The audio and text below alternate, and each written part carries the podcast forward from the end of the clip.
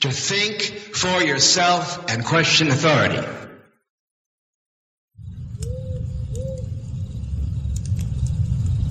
Dobry dzień, albo dobry wieczór, albo jakoś tak. Cześć człowieku. W radiu na fali oczywiście w hiperprzestrzeni, a na imię Tomek. Tak, tak. y, Oprócz tego jest to nadawane i transmitowane w radiu paranormalnym, radiu czas snu. Ja oczywiście jestem na Skype'ie, radionafali.com, live, bo to jest sobotni wieczór, jest u mnie godzina 22, u Ciebie w Polsce 23, a jeżeli mieszkasz w innej strefie czasowej, to sobie przelicz. I co jeszcze chciałem powiedzieć tytułem wstępu, to właściwie wszystko. Ja nadaję z południowego Londynu, tak prosto do ciebie, do twojego ucha. Nie wiem, czy słuchasz tego online, czy offline, tak czy siak czuj się pozdrowiony. Pozdrawiam e, wszystkie mecenaski, wszystkich mecenasów Radia na Fali. Tu mam jedno ogłoszenie, bo ja tu w ogóle jestem człowiekiem, który wpadł e, w wir roboty nad zbawianiem technologii na świecie, można powiedzieć. No, a może właśnie tak jest. Anyway, właśnie tu pozdrawiam serdecznie Piotra. Panie Piotrze, przesyłka do Józefowa jest już w drodze. Coś tam stało z przesyłką. Taka prywata moja, przepraszam cię, drogi słuchaczy, tu do, do pana Piotra z Józefowa. Muszę tak dwa słowa. Panie Piotrze, przesyłka ponownie ruszyła w drogę, bo coś tam się stało i się e, zakamućkało z tą przesyłką. Także jest w drodze. Proszę chwilę poczekać. Ja w ogóle dotrę do poczty za chwilę, bo właśnie zacząłem robić porządki. Dzisiaj właśnie, bo też e, poniekąd wymuszony tymi porządkami odcinek hiperprzestrzeni trochę. Miał być na inny temat i taki długi temat, na trzy odcinki mam przygotowany taki set, poważnie. Będę ściemniał? No jest przygotowana trzy odcinki i będę w trzech odcinkach, trzech epizodach opowiadał pewną zabawną historię kilku dodzi. No właśnie, nie będę klnął jeszcze, ale myślę, że łatwo się domyślić. Dodzi F. No dobra, przez zaknę. Proszę odsunąć dzieci od głośników, bo ja nie chciałbym, żeby młode pokolenie wychowywało się w tak sfrustrowanych, stresujących warunkach. Dodgy fuckers. Otóż to, także historia pewnego, pewnego zestawu kolesi, którzy założyli organizację, ale to taką dziwną organizację, Dodgy Fuckers po prostu. Ale o tym będą trzy kolejne chyba odcinki. A dzisiaj jeszcze sobie robię takie wakacje, chleb mam w piekarniku i właśnie rośnie. Także dzisiaj się troszkę obijam y, z tematem. Nie wskakuję na żaden poważny temat. Robię sobie takie troszkę, może nie tyle wakacje przy mikrofonie, ale takie jak zwykle. Kończę kilka wątków dzisiaj przy okazji tego, że posprzątałem y, u siebie. Także przy okazji w ogóle porządków i tak dalej, jeszcze kilka spraw y, o, zacząłem odpisywać na maile, także człowieku, jak napisałeś coś do radia, do mnie, do Go to the Forest i tak dalej, jesteś na Facebooku, wisisz na tej słuchawie, czekasz na moją odpowiedź, daj mi chwilę w tym tygodniu, siadam i robię biuro całe, bo właśnie wyszedłem częściowo z laboratorium i przede mną właśnie wizyta w biurze, którą już zacząłem, także z powrotem y, jestem dostępny. Przynajmniej wobec, także poczekaj chwilę, zaraz ci tam odpiszę na maila. Także sorry, niektórych e, za strasznie długie czasy w ogóle czasami, żeby się ze mną skontaktować, oczekiwania, jak niczym, kurde, jaki papież prawie, rozumiesz? Musisz wysłać zaproszenie, może ktoś odpowie, może nie. Rozumiesz, że 4 lata najbliższa audiencja. Nie, żartowałem oczywiście, także jeszcze raz... E, Piotrze z Józefowa, sorki za, za taką długą zwłokę, ale już tam posłałem e, wszystko, co miałem posłać, także przepraszam serdecznie jeszcze raz, skłaniam się i, i w ogóle na kolana padam e, przed Panem i też e, obiecuję, że tam się zaraz skrobnę z pocztą w tym tygodniu, jak pozatiam wszystkie sprawy. To też jedna z tych rzeczy, które wiesz, odpisywanie. Dobra. To koniec mojej prywaty, ale ta prywata wyjaśniła troszeczkę moją sytuację, w której się aktualnie znajduję. Doskonała sytuacja taka wiesz, troszkę zapracowana, robię kilka rzeczy dla kilku ludzi. I dla siebie też, i dla ciebie też, i w ogóle tak po prostu, wiesz, laboratorium, eksperymenty. To, co powinien robić moim zdaniem normalny człowiek w dzisiejszych czasach. I oprócz tego właśnie mam chleb w piekarniku, który mi rośnie. Chleb rośnie doskonale. Używam oczywiście trików księcia Edwarda. Właśnie. Właśnie, jakby ktoś nie pamiętał, to książę Edward, etykieta zastępcza. W środę w Radiu na Fali o godzinie 23 polskiego czasu, czyli tak jak hiperprzestrzeń dokładnie. A za chwilę będzie trzecia rzecz o nazwie Chata Mistyka w radiu na fali. Jeszcze parę chwil. Ja na razie puszczę jingla. Jingle jeszcze nic... E, no właśnie, zapow- to ja może powiem tak. Ci, którzy byli cierpliwi i ci, którzy lubią posłuchać sobie tej mojej gadki na żywca w sobotni wieczór tu z Londynu, i lubię sobie posiedzieć troszeczkę później, bo jak kończę hiperprzestrzeń, to jest taka audycja, która jest nie nagrywana, no chyba, że ty sobie tam nagrywasz i jakoś tam sobie dystrybuujesz, jakby to już zostawiam w twojej kwestii, sobie każdy jest wolnym człowiekiem, mnie już to po prostu w ogóle zupełnie nie obchodzi, rób z tym co chcesz człowieku. Anyway, zostaję przy mikrofonie i to już ja tego nie nagrywam, nikt tego oficjalnie nie nagrywa, nikt tego oficjalnie nie udostępnia. To jest taki free time, wolny czas. Ja sobie siedzę i sobie dodatkowe refleksje, wiesz, czasami po hiperprzestrzeni, dodatkowe wnioski, puszczam muzę, ludzie dzwonią czasami, czasami nie, wiesz. Taki miły, niezobowiązujący wieczór, właściwie nocka w sobotę w Radiu na Fali, czyli wieczorowa pora. No i tydzień temu, jeżeli słuchasz wieczorowej pory i jesteś tu na żywca, to na pewno słyszałeś pierwszy przedpremierowy odcinek nowego podcastu, który się tu pojawi i no, nowego gentlemana, który się tu pojawił właściwie. Bo to członek, nowy członek załogi, co tu dużo mówić, czyli Messie Bart. Nowy podcast się nazywa Chata Mistyka. Prze pokrętna nazwa, pokrętna, jeżeli ktoś nie wie o co chodzi. Tutaj, e, tutaj Bart, że tak powiem, no cóż, mogę powiedzieć. Drogi Watsonie.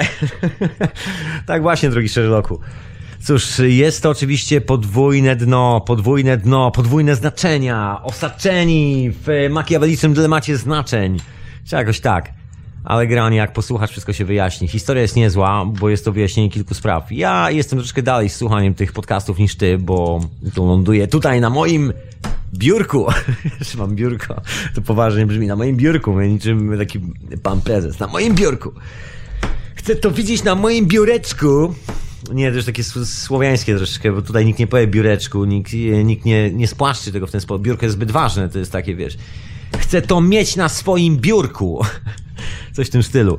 Także ja już mam e, część z tych rzeczy na swoim biurku i troszkę się wyjaśniło i powiem szczerze, że Bart doskonale mi wyjaśnił jedną rzecz, bo ja też byłem oporny na jedno słowo, nie do końca sobie zdając absolutnie sprawę z rzeczywistego znaczenia w ogóle tego słowa. Nigdy nie przekopałem tego tematu i zachowałem się głupek, mówiąc, nie, nie, nie, to nie to, być z tym słowem, wyjść, nie chcę tej nazwy. Ale kiedy człowiek się dowie, co za tym stoi, no to już troszkę inaczej na to patrzy, rozszerza horyzonty, rozszerza. Mi też. Także się pojawi nowy podcast. To w ramach tych porządków. Ja mówiłem, że ja puszczę tutaj jingle, zapowiedź tego oczywiście. No oczywiście, oczywiście. Jest i jingle. Jingle, czyli zapowiedź nowego podcastu. Oczywiście podcast został nagrany w... Nie, może nie tak, nie nagrany, co ja mówię? Powinienem w ogóle jakoś tak poważnie się nauczyć zapowiadać. No więc e, w nagraniu tego podcastu uczestniczyły światowe gwiazdy scen, globalne gwiazdy. Wcale nie żartuję, ale ani słowa na ten temat nie powiem. Kiedyś, e, kiedyś to wyjdzie na światło dzienne i będzie to taka zabawa, zabawne quo quo.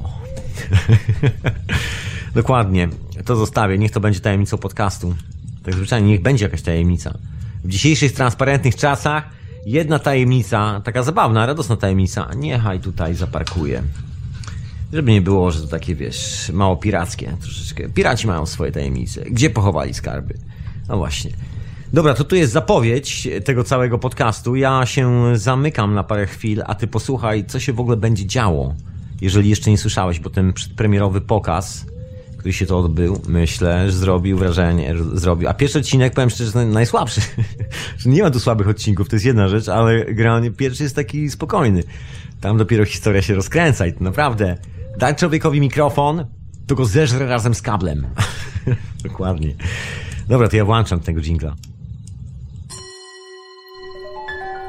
W szerokim oceanie świadomości znajduje się wyspa. Ową wyspę porasta gęsty las. W dalekiej głębi tego właśnie lasu znajduje się słoneczna polanka.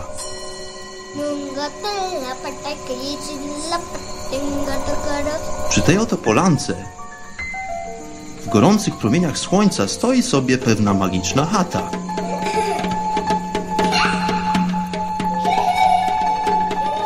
Właśnie tam żyje pewien mistyk.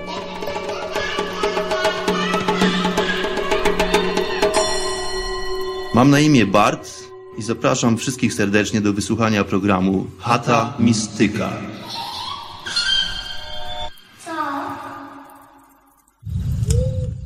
No, no właśnie. Także za parę chwil w Radio na Fali startuje nowy podcast Hata Mistyka Podcast jest nagrywany w różnych miejscach na świecie, dosłownie. To tak jak nagrywa książę, który jak gdzieś znika z Europy albo znika właściwie ze swoich włości. Bo książę wstał na księcia, ma teraz dodatkowe włości. Ma posiadłość, ma włości także w mieście. W samym centrum prawie, że. Stolicy oczywiście, żeby nie było, że gdzieś na peryferiach samej stolicy, oprócz tego oczywiście włości w górach. Także oczywiście wszystko się rozrasta i włości i posiadłości. Nie, żartuję oczywiście sobie, ale no mniejsza o to. Trzeba słuchać księcia, wszystko będziesz wiedział człowieku, o, co, o czym ja tu w ogóle mówię. Trzeba słuchać księcia. Tak samo książę, jak książę bywa w różnych miejscach, Bar też bywa w różnych miejscach, to bardziej ja jestem aktualnie taki, wiesz, silzący tutaj przy mikrofonie. Ostatnio w Londynie, ale ktoś musi bacznie siedzieć na straży. Tego mikrofonu żartowałem oczywiście z tym, z tą strażą. Ja akurat mam tu kilka innych rzeczy też, yy, które mnie przykuwają, także chwilowo, chwilowo nadaję do ciebie prosto z Londynu. To ja utrzymuję ten głos z miasta, tego jednego miejsca. No właśnie, a propos, pojawiło się pytanie na czacie, bo ja to dzisiaj jestem po porządkach, także też sprzątam różne tematy. I tematy, właśnie, mi się to podoba, jakby ktoś czytał mi w myślach. I nie powinienem tego mówić, bo w dzisiejszych czasach słyszałem, że w polskojęzycznym internecie obsesja mind control sięgnęła zenitu. nie, nie, nikt mi nie mówił do głowy, nie, nie, spokojnie, wszystko jest okej. Okay. Na czacie pojawiło się pytanie, y, co z kontynentami, kapitanie, czy odpływają? No więc y, oczywiście, że odpływają. W ogóle sprzątając w tym tygodniu, ogarniając cały ten syf, bo zrobiłem lekkie przemeblowanie i tak dalej, kilka innych rzeczy, to musiałem jeszcze sprawy biurowe zacząć nadgryzać, zaległe e-maile, wiesz, takie po prostu organizacyjne. Mam to na głowie kilka spraw. Znowu stałem się właścicielem e, przedsięwzięcia, jak to się zdarza w życiu. Szczęśliwie nie o charakterze komercyjnym, tylko o charakterze dosłownie wręcz charity. Także wszystko jest e, tak jak chciałem. Niemniej jest przy tym masa roboty, fascynująca historia, ale to może ci po prostu odpuszczę. To jest moje życie prywatne, każdy ma swoje własne. Nie to, żebym e, kisił jakieś tajemnice tej w rękawie, co ja robię w swoim własnym życiu, że tu wiesz, piwnicy, kurde, chińskie dzieci pracują i robią kubeczki z moją podobizną, które są sprzedawane na Trafalgar Square z podpisem Nowy Król Anglii. Nie, nie, nic z tych rzeczy, nic z tych rzeczy. Proszę, jak koleżanki, kolegi, nic z tych rzeczy. Absolutnie. Wróciłem do rzemiosła, także wróciłem do takiego właściwego chyba podejścia do życia, mi się wydaje. Anyway, ja może zostawię też, kiedyś opowiem, bo to nie jest też żadna tajemnica, nie to, żebym tutaj, wiesz, jakoś nie bał się transparencji z tobą, nie, nie, wszystko jest okej. Okay. Pewnego dnia o tym opowiem, ale nie chcę cię zanudzać, bo są to sprawy związane z technologią cache między innymi. Tak, tak, tak. Właściwie pomysłem starym jak świat, który tu już krążył, bo historia, której jestem właścicielem o nazwie Go to the Forest i założycielem właściwie. Ciężko mówić teraz o właścicielach poniekąd. E, założycielem, to chyba bardziej słuszna nazwa, sięga naprawdę, oj, chyba, że mnie skłamał, 6 lat do tyłu, prawie że, jakoś tak, kiedy pojawiła się ta nazwa tu w Londynie, kiedy w ogóle ten pomysł e, się pojawił, to był pierwszy taki pomysł, żeby się odklejać od Babilonu, tak poważnie się odklejać, pójść e, w swoim własnym kierunku, czyli zrobić coś w taki sposób, jaki ty chcesz zrobić, a niekoniecznie w taki sposób, w jaki mówi ci twój szef, mówi ci wiesz, właściciel agencji, dla której pracujesz, i tak dalej, i tak dalej co w moim przypadku było taką dosyć, e, no powiem szczerze, zmorą. Każdy, kto pracuje w takim biznesie jak ja, czyli chociażby jest grafikiem, pracuje w agencjach reklamowych, jeszcze na dodatek wylądował w takim e, wykręconym troszkę miejscu jak Londyn i pracuje w tych, jak to się mówi, wiesz, topowych agencjach. Marzenie mi się w życiu ziściło. Poważnie, proszę koleżanki, proszę kolegi. Bo to wielu ludzi zawodowo, czasami ja też, jak byłem młody, sobie marzyłem, że ja pewnego dnia będę tak dobry, że będę pracował w takim i takim, takim miejscu. No i wyobraź sobie, że tak się jakoś złożyło, że wszystko to się wydarzyło w moim życiu. Także akurat należy do ludzi spełnionych, nie mam z tego powodu żadnego kompleksu. No ale w pewnym momencie jednak, wiesz, ten Babilon dociska strasznie mocno. I jest coś takiego na tym świecie. Ja czasami o tym wspominam, że część z nas zwariowała no wszyscy doskonale wiemy, że część zwariowała na tyle, że nawet założyło organizacje, które naprawdę wierzą w to, że trzeba wytuc pół świata i dopiero jak będzie bardzo mało ludzi na świecie albo coś w tym stylu, to wiesz, to będzie jakaś równowaga, coś, coś, coś takiego. Słynne historie o iluminatach, nawet ostatnio też zresztą krąży z powrotem. Czyli włoska mafia, dokładnie sklejona z handlarzami bronią, sklejona z Watykanem, z ludźmi z CIA, z różnych wywiadów, taka śmontanina, zbieralina hołot z całego świata nieprzeciętnej Głównie patronuje temu Watykan, bo są transakcje związane z handlem bronią. Wyobraź sobie, niewielu ludzi to wie, poważnie. Największym bankiem, w sumie zajmującym się handlem bronią, takim bankiem, który skupia praktycznie znakomitą część tych transakcji, jeżeli prawie nie wszystkie, jest Bank Watykański. I to nie jest wcale dowcip. W ogóle, żeby było zabawniej, był skandal parę lat temu, się okazało, że Watykan jest między innymi po cichu, za pomocą to się nazywa third party, czyli takich pośrednich, trzecia, wiesz, firma po kolei w rząd. Wiesz co chodzi? Taka podpucha, że ciężko znaleźć właściciela firmy, a ciągle się okazuje, że każdy kolejny to nie tylko właściciel, to nie jest żaden właściciel, tylko zarządca i ktoś mu to zlecił. Jeden zlecał drugiemu i drugiemu, drugiemu. I się okazało, że właścicielem korporacji Beretta, tej produkującej broń, jest nikt inny jak Watykan. Taka ciekawostka. Także jak to mówią, na szyi krzyżyk w kieszeni amunicja, po wieku, wieki wieków, to jest nasza tradycja. Parafrazując y, piosenkę Kazika co nie Kazika, to, to zespół Tilaf Alternative, tak się jeszcze nazywało wtedy. Muniek Staszewski taką piosenkę gdzieś napisał. Myślę, że bardzo celne strofy. tak właśnie. Ale zostawiam może te strofy i zostawiam ten Watykan na moment, wrócę do tego śmądactwa. Jest to zorganizowana historia, bo no nie da się takich rzeczy na świecie robić w niezorganizowany sposób. Wszystko to czasami wycieka, przynajmniej takie historyczne kawałki, później po paru latach słynna historia z projektem Paperclip, gdzie praktycznie nie wiem dokładnie ile, okej, okay, takie szacunki, które ja gdzieś tam wyczytałem, mówią tak spokojnie o 200 tysiącach ludzi, oficjalnie 20 tysiącach yy, niemieckich naukowców, którzy zostali wywiezieni w projekcie Paperclip do Stanów Zjednoczonych. Zaraz po wojnie. Słynna, znana historia z projektem y, Manhattan, budowy bomby atomowej itd., tak itd. Tak Oczywiście część, część ludzi doskonale się orientuje w temacie. Jeżeli nie orientujesz się w temacie, to dowcip polega na tym, żeby zrobić bombę atomową, musisz mieć paliwo do tej bomby. Czyli substancję, w której zrobić tą całą reakcję, nazywa się to ciężka woda. I się okazuje, że przy Amerykanie nie mieli żadnej ciężkiej wody i nie mieli kilku dodatkowych izotopów, żeby zrobić reakcje, które powstają tylko i wyłącznie wtedy, kiedy zrobisz wcześniej jedną reakcję. Kolesie byli po prostu kompletnie zieleni. Takie zające w trawie, że tak powiem, młode, nic nie kumające i gdyby nie zaplecze technologiczne III Rzeszy, czyli ciężka woda i uran stamtąd przywieziony, który prawdopodobnie, i to wcale nie jest dowcip, pochodzi, wiesz gdzie? Okolice Kowar, Dolny Śląsk, tak, tak, tam pod Wrocławiem, okolice, które są nazywane tam kompleks Rize i tak dalej, sztolnie tajemnicze. Dokładnie stamtąd między innymi pochodził ten uran. Na to wygląda. I zresztą, co dużo mówić, no, wygląda na to, że ten uran spadł na Hiroshima i Nagasaki. To jest w ogóle zabawną historią w tym wszystkim. Znaczy, zabawną z, z punktu widzenia historii, mało zabawną, jeżeli spojrzysz na to, jakie to było ludobójstwo potworne, że chodziło tylko o to, żeby przetestować. No, właśnie nikt nawet nie wie po co przetestować. Wszyscy wiedzieli, że to jest zabójcze, to jest e, śmiertelny, śmiertelna broń, nikomu niepotrzebna, ale stwierdzono, że będą roztrzaskiwali coś takiego. Dobrze, że tylko tyle roztrzaskali, to i tak nie jest aż tak dużo. W każdym razie, no właśnie.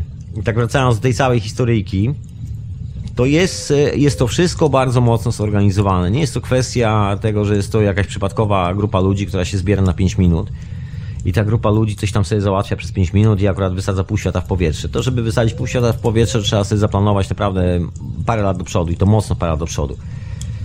I to mieć mocno kilka, że tak powiem, rzeczy w garści, takich jak propaganda i tak dalej, i tak dalej, i tak dalej. Zresztą widać doskonale w dzisiejszych czasach taką ciekawą rzecz, która jest charakterystyczna dla gazet. Gentleman tutaj na czacie, pozdrawiam serdecznie, Lam34 się zapytał, jak z tymi trzęsieniami, e, trzęsieniami ziemi. Teraz sobie sprzątając, bo zrobiłem syf nieprzycięty w pokoju, przemeblowanie, czyszczenie w laboratorium i tak dalej. No i trzeba było to poukładać. I oczywiście układałem, leżał sobie włączone urządzenie takie przenośne. Excuse me, ja sobie łyknę herbaty.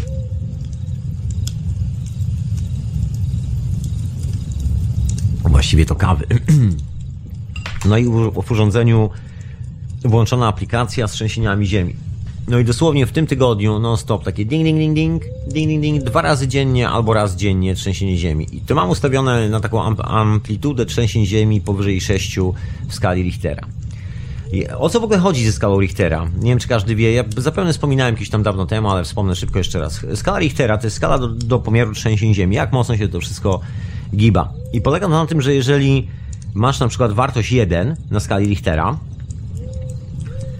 to na przykład coś się, wyobraź sobie, że coś się trzęsie, wyobraź sobie jakąś skalę trzęsienia, nie wiem, zacznij sobie szklanką, że to jest twoje jeden. To teraz sobie wyobraź, że dwa na skali Richtera to nie jest jakaś tam podziałka, że troszeczkę szybciej tą ręką trzęsie ze szklanką, tylko to jest dwa razy więcej. Dosłownie, dwa razy więcej. Czyli teraz twoja ręka wykonuje dwa razy większy, szybszy ruch z tą szklanką. No i teraz sobie wyobraź, kiedy skala trzęsień ziemi rośnie. Bo za, wiesz, kiedy jeszcze jesteśmy przy jedynce, dwójce, tam do czwórki dochodzimy, zależy jeszcze gdzie, od podłoża geologicznego i tak dalej, to właściwie nie ma jakiejś takiej specjalnej katastrofy, można tak to w skrócie mówiąc. Yy, potrzęsie się, popęka może kilka murów i jakoś to będzie. Starym zwyczajem, jakoś to będzie. Ulubiona piosenka ludzkości. Jakoś to będzie. będzie. No właśnie, ale kiedy skala ich teraz zaczyna sięgać piątki, szóstki, zaczyna robić się troszeczkę inaczej. Bo wiadomo, że to trzęsienie ziemi z piątki na sześć jest dosyć spore. To jest jakbyś tak pięć razy szybciej trząsł szklanką i teraz dolicz sobie drugie pięć razy szybciej i to drugie pięć razy szybciej robi ci sześć. I teraz to sześć rośnie. I tak, takie jak trzęsienia ziemi rok temu dokładnie były w skali 4,2 na tym tak zwanym Hell, Hell Rings czyli ten piekielny pierścień dookoła Pacyfiku. I jeszcze 3 lata temu te wszystkie drobne trzęsienia ziemi, Nowa Zelandia, Polinezja, Alaska, tam Japonia i tak dalej, dookoła Pacyfiku, Chile, wynosiły w okolicach dwójki, trójki maksymalnie, to teraz to takie pięć z kawałkiem. Mam takie wieści, nie są to wieści takie oficjalnie potwierdzone, ale takie wieści, że dużo ludzi w Kalifornii ma takie mocne przeczucie. Że, znaczy, wiesz, tak krytyjsko brzmi, dużo ludzi w Kalifornii ma mocne przeczucie, ale to przeczucie jest na tyle mocne, że tam lokalne rządy i lokalna administracja raczej tak uprzedzają cię na wypadek właśnie, że a, zapowiada się troszkę taka mocniejsza aktywność prawdopodobnie, bo dawno się nie trzęsło, dobrze byś się przygotował. Takie, wiesz, opowieści o tym, żebyś żebyś był gotowy na wypadek, gdyby coś się wydarzyło. I to tak dosyć konkretnie. Wiadomo, że Europejska Komisja Atomistyki też coś tam tak kombinuje. I też jest taki ślad, no, można powiedzieć spiskowy mocno, no ale taki dosyć konkretny, bo wiadomo, że tu bardzo łatwo prześledzić tą historię, kto ma broń, kto, kto handluje bronią, to już chyba wiemy. Kto się zajmuje dystrybucją tej broni do dziwnych kolesi, którzy przekraczają granice bez żadnego paszportu z dziwnych krajów i bynajmniej nie są uchodźcami, ale na fali uchodźców mogą się gdzieś tam przedostać. To jest słynna historia z przerzucaniem dużej ilości ludzi, tak samo jak projekt Paperclip. Tylko, że wtedy przerzucano naukowców, a w tym momencie przerzucono na przykład jakichś cwaniaków. No i na przykład ktoś sobie wymyślił, że kiedy cokolwiek się zatrzęsie, szczególnie dookoła reaktorów jądrowych, bo wiadomo, że te reaktory jądrowe w Europie są raczej takiej lichej konstrukcji, mówimy o latach 50., 60., to już troszeczkę ma. Naprawdę w czasach budowania już to było zabytkową technologią, bo wtedy tak się rozwijało dosyć mocno że zanim e, oddano gotowy budynek, to już zabytek. I tam jeszcze były takie historie pod tytułem popękane fundamenty, bo to też łapówkarstwo potężne, komisja do spraw atomistyki, szybciej, szybciej, szybciej, produkcja broni nuklearnej na wyścigi. Wiadomo, że reaktor produkuje do, takie, wiesz, komponenty. Ja tu nie będę opowiadał całej historii, jak się robi te wszystkie komponenty z tych wszystkich prętów w środku, ale to, co tam powstaje, to jest komponent, z którego robi się broń atomową i każdy się strasznie śpieszył, żeby wyprodukować sobie jak najwięcej głowic nuklearnych. No i wiadomo, że kwestie bezpieczeństwa, jakiegoś kumania tego, co się robi, to w ogóle na bok odeszły. I oczywiście no, zrobiła to dosyć poważna grupa ludzi, bo ta grupa ludzi naprawdę mała nie jest. Wybudować reaktory, potwierdzić to wszystko. Dużo ludzi musi się zgodzić na taką historię. Podejrzewam, że nie zaprzeczysz mi w tym momencie, prawda? No bo zobacz, ile ludzi musi powiedzieć tak, ok, zgadzam się, stawiamy reaktory jądrowe, wchodzimy tą technologię. Iluś ludzi musi dostać albo coś naprawdę dużego, albo propaganda, albo po prostu masz kluczowych ludzi. No i to jest y, drugi wariant. Bo ciężko by było zebrać wszystkich naraz, żeby chcieli się pakować taką historię, bo ktoś mógłby to sprawdzić, ktoś mógłby powiedzieć, a stary, nie warto się w to pakować, to jest śmierdząca sprawa. No ale jak masz tylko kluczowych ludzi, którzy są dogadani ze sobą, no to ci kluczowi ludzie zawsze mają swój wspólny cel. I się okazuje na to, że dużo przedsięwzięć dookoła, jeżeli się przyjrzysz na prasę, jest naprawdę mocno, że tak powiem, we wspólnych rękach.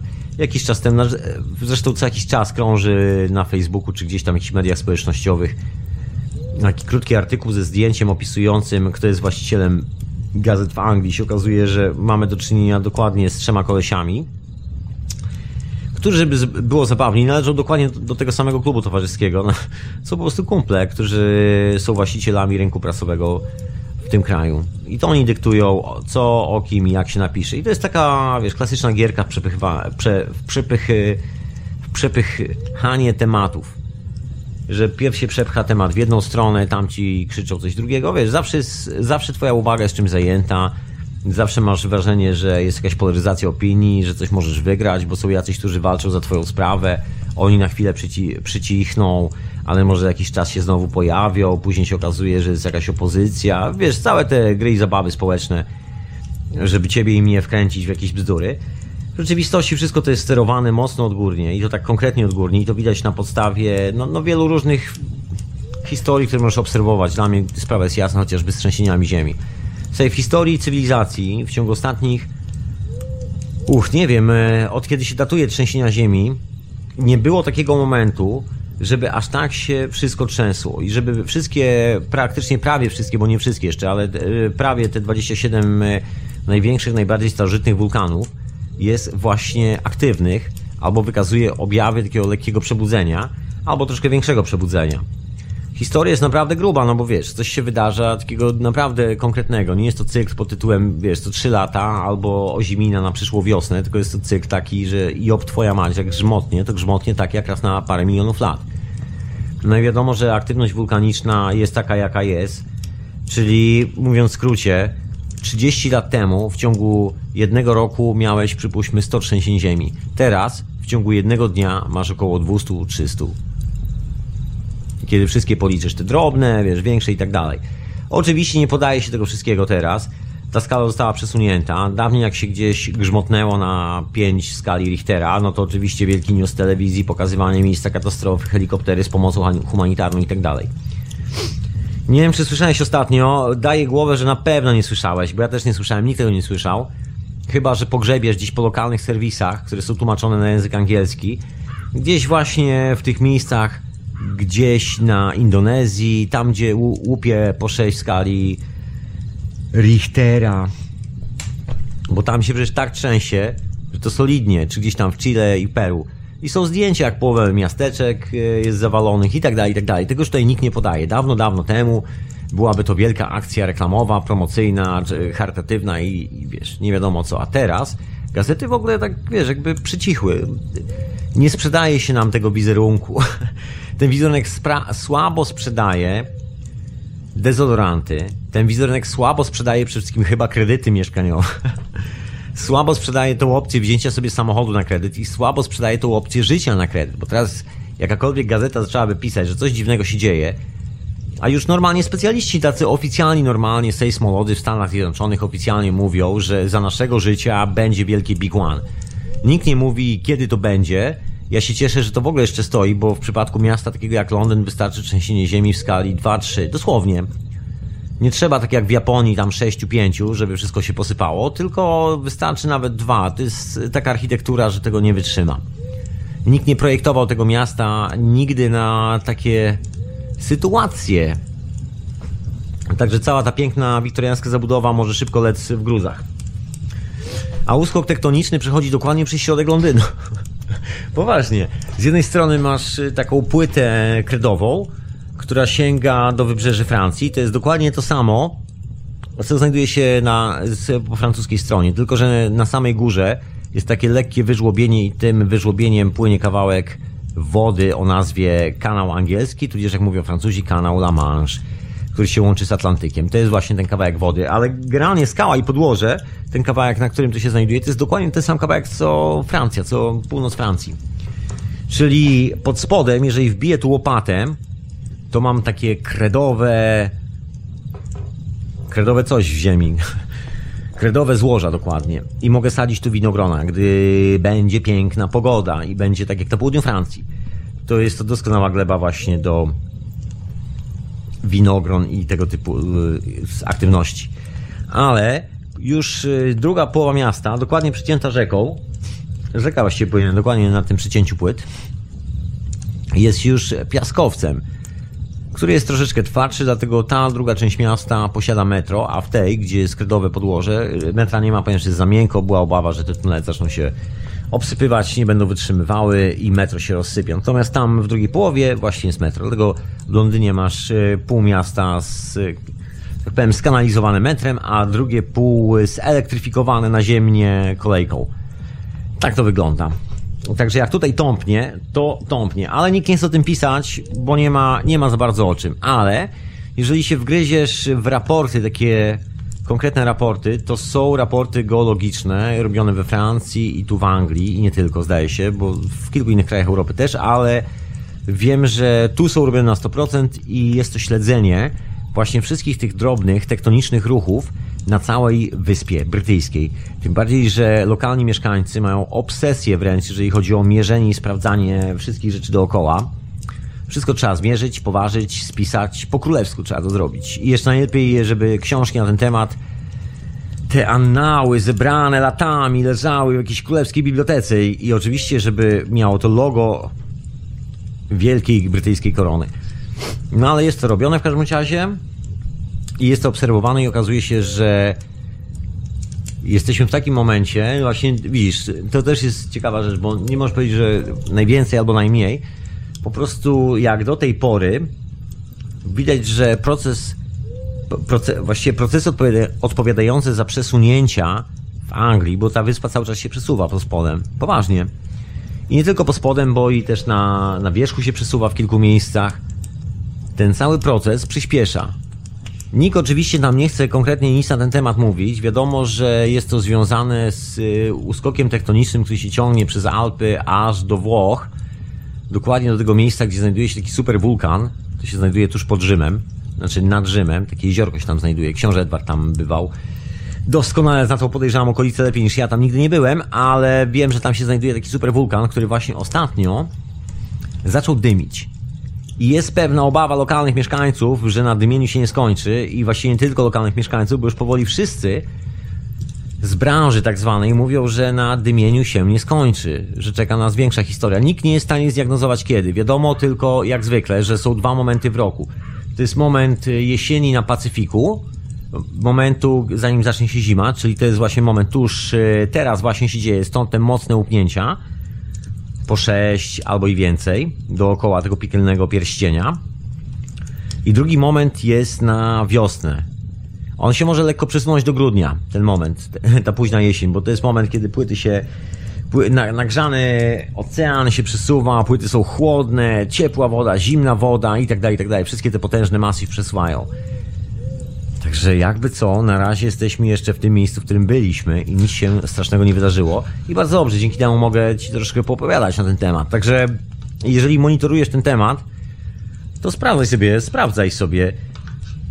Słynne powiedzonko mówi, że cała zabawa, cały ten y, ruch z trzęsieniami ziemi, całe to przesunięcie zacznie się w momencie, kiedy w Kalifornii zaczną się takie mikrotrzęsienia ziemi, takie drobne, jeden, dwa, trzy, to będzie wyglądało jak popcorn na patelni. Jeżeli to, ten kawałek wybrzeża, plus jeszcze prawdopodobnie kawałek Chile i w Europie może być to gdzieś w okolicy Iranu, jakoś tak, zacznie, zacznie być taka amplituda właśnie jak popcorn na patelni, to znaczy, że właśnie się zaczyna. Tylko tyle na ten temat wiadomo, bo jest to naturalne zachowanie plazmy, na której pływa sobie każdy kontynent, tej magmy właściwie. Czyli właściwie no, taka plazma wysokiej temperatury. Chociaż zwał jak zwał, magma. Płynna magma. I to jest takie normalne zachowanie w takich sytuacjach. To wiemy wykopując wszystkie stare stanowiska archeologiczne i badając ziemię sprzed tysięcy lat. Si, y, co jeszcze mogę na ten, temat, na ten temat powiedzieć? Y, na razie chyba poprzestanę z tym straszeniem. Kim chleb mi rośnie. Właśnie muszę jakiś timer sobie wziąć tutaj. Pozwolisz, że wykonam drobne jeziorany. Na tym etapie zawsze warto się wspomagać.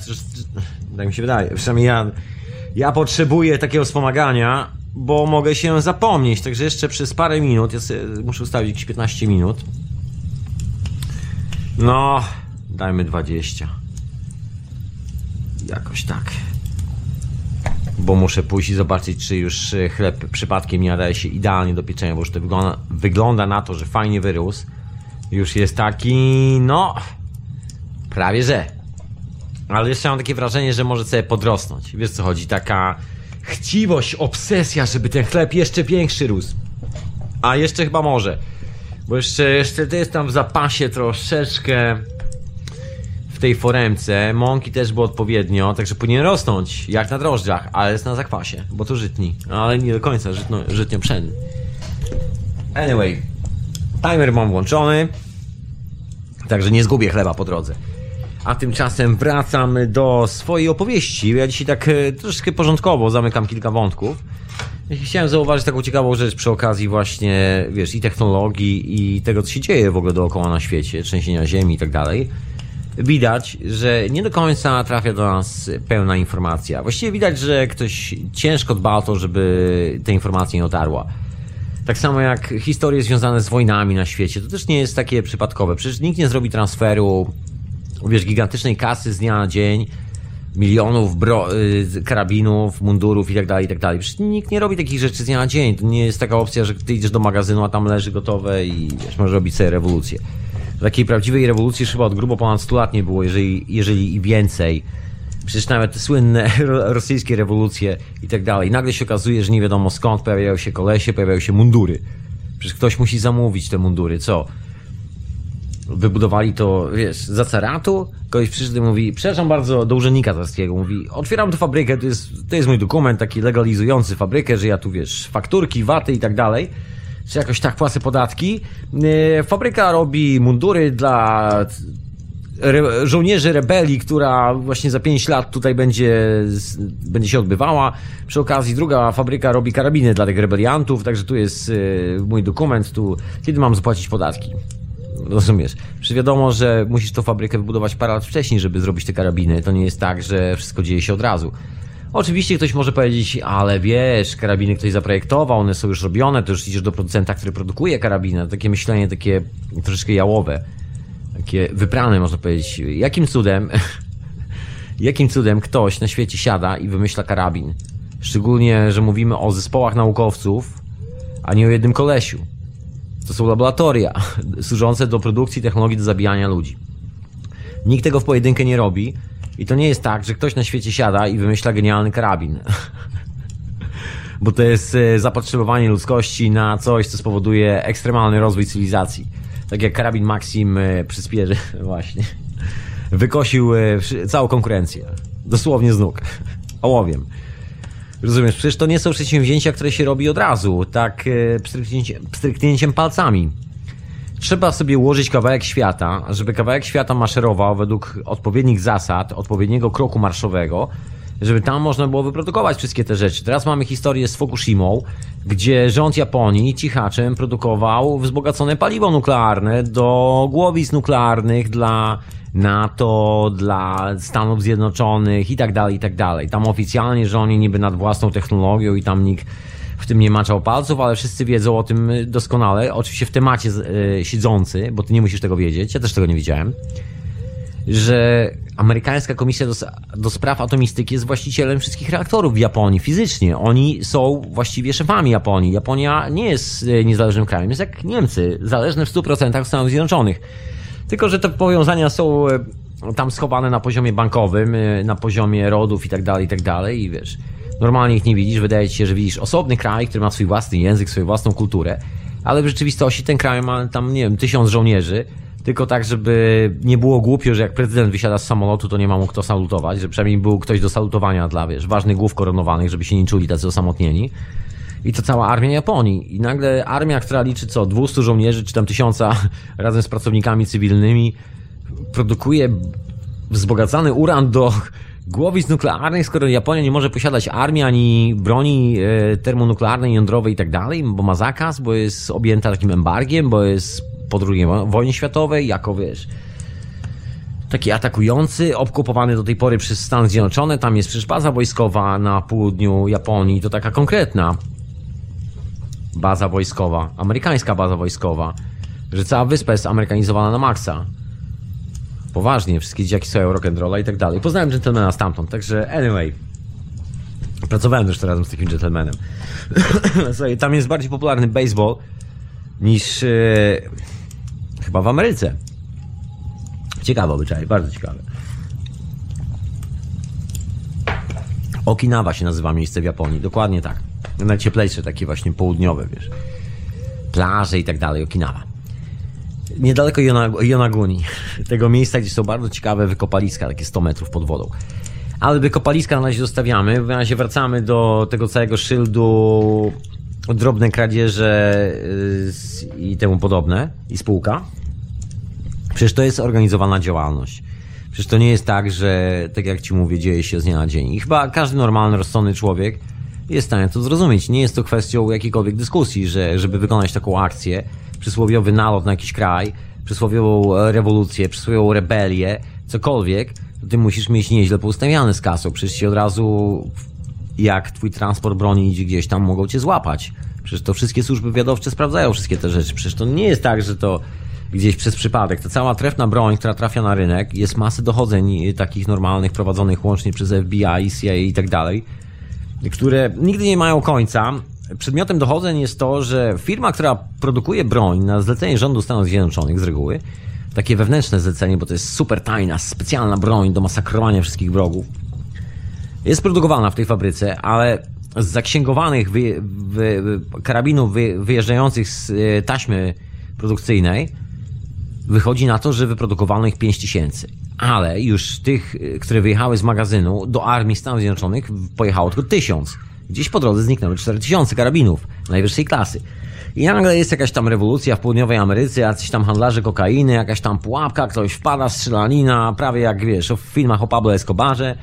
No i się okazuje, że kolesie w samym środku dżungli, kolesie, którzy teoretycznie powinni mieć nawet 5 dolarów na trampki, a co dopiero na, wiesz, ciemne okulary i tak dalej, i tak dalej. Kolesie mają w rękach, mieli, bo ich zabili, najdroższy, najbardziej ekskluzywny sprzęt do zabijania ludzkości produkowany na świecie w postaci karabinu maszynowego. Z celownikami optycznymi, jakimiś laserowymi dalmierzami, cholera wie co. Dokładnie z tej fabryki w Ameryce. Sprzęt, który był produkowany oficjalnie tylko dla służb specjalnych Stanów Zjednoczonych, tak żeby nie było żadnej konkurencji na świecie, że taki żołnierz specjalny zmierzy się z kimś, kto ma lepszy karabin od niego.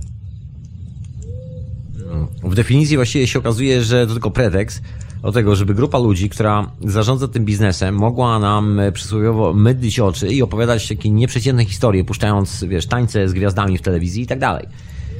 Bo do tego się to sprowadza. Druga część tego rynku to oczywiście korporacje takie cywilne, o których wszyscy doskonale chyba wszystko wiemy, pod tytułem produkcja pas fluoru, cała medycyna korporacyjna, która tutaj doskonale sobie radzi w dziale ekstermin eksterminacja masowa ludzkości w postaci używania chemioterapii itd., tak itd. Tak Wszystkie doskonale znane nam y, zabiegi, które dawniej testował dr Mengele.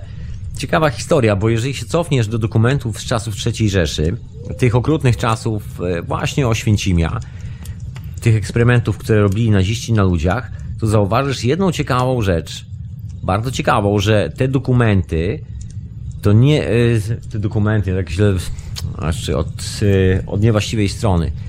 Chociaż właściwie te dokumenty zostały wyprodukowane przez konkretnych naukowców.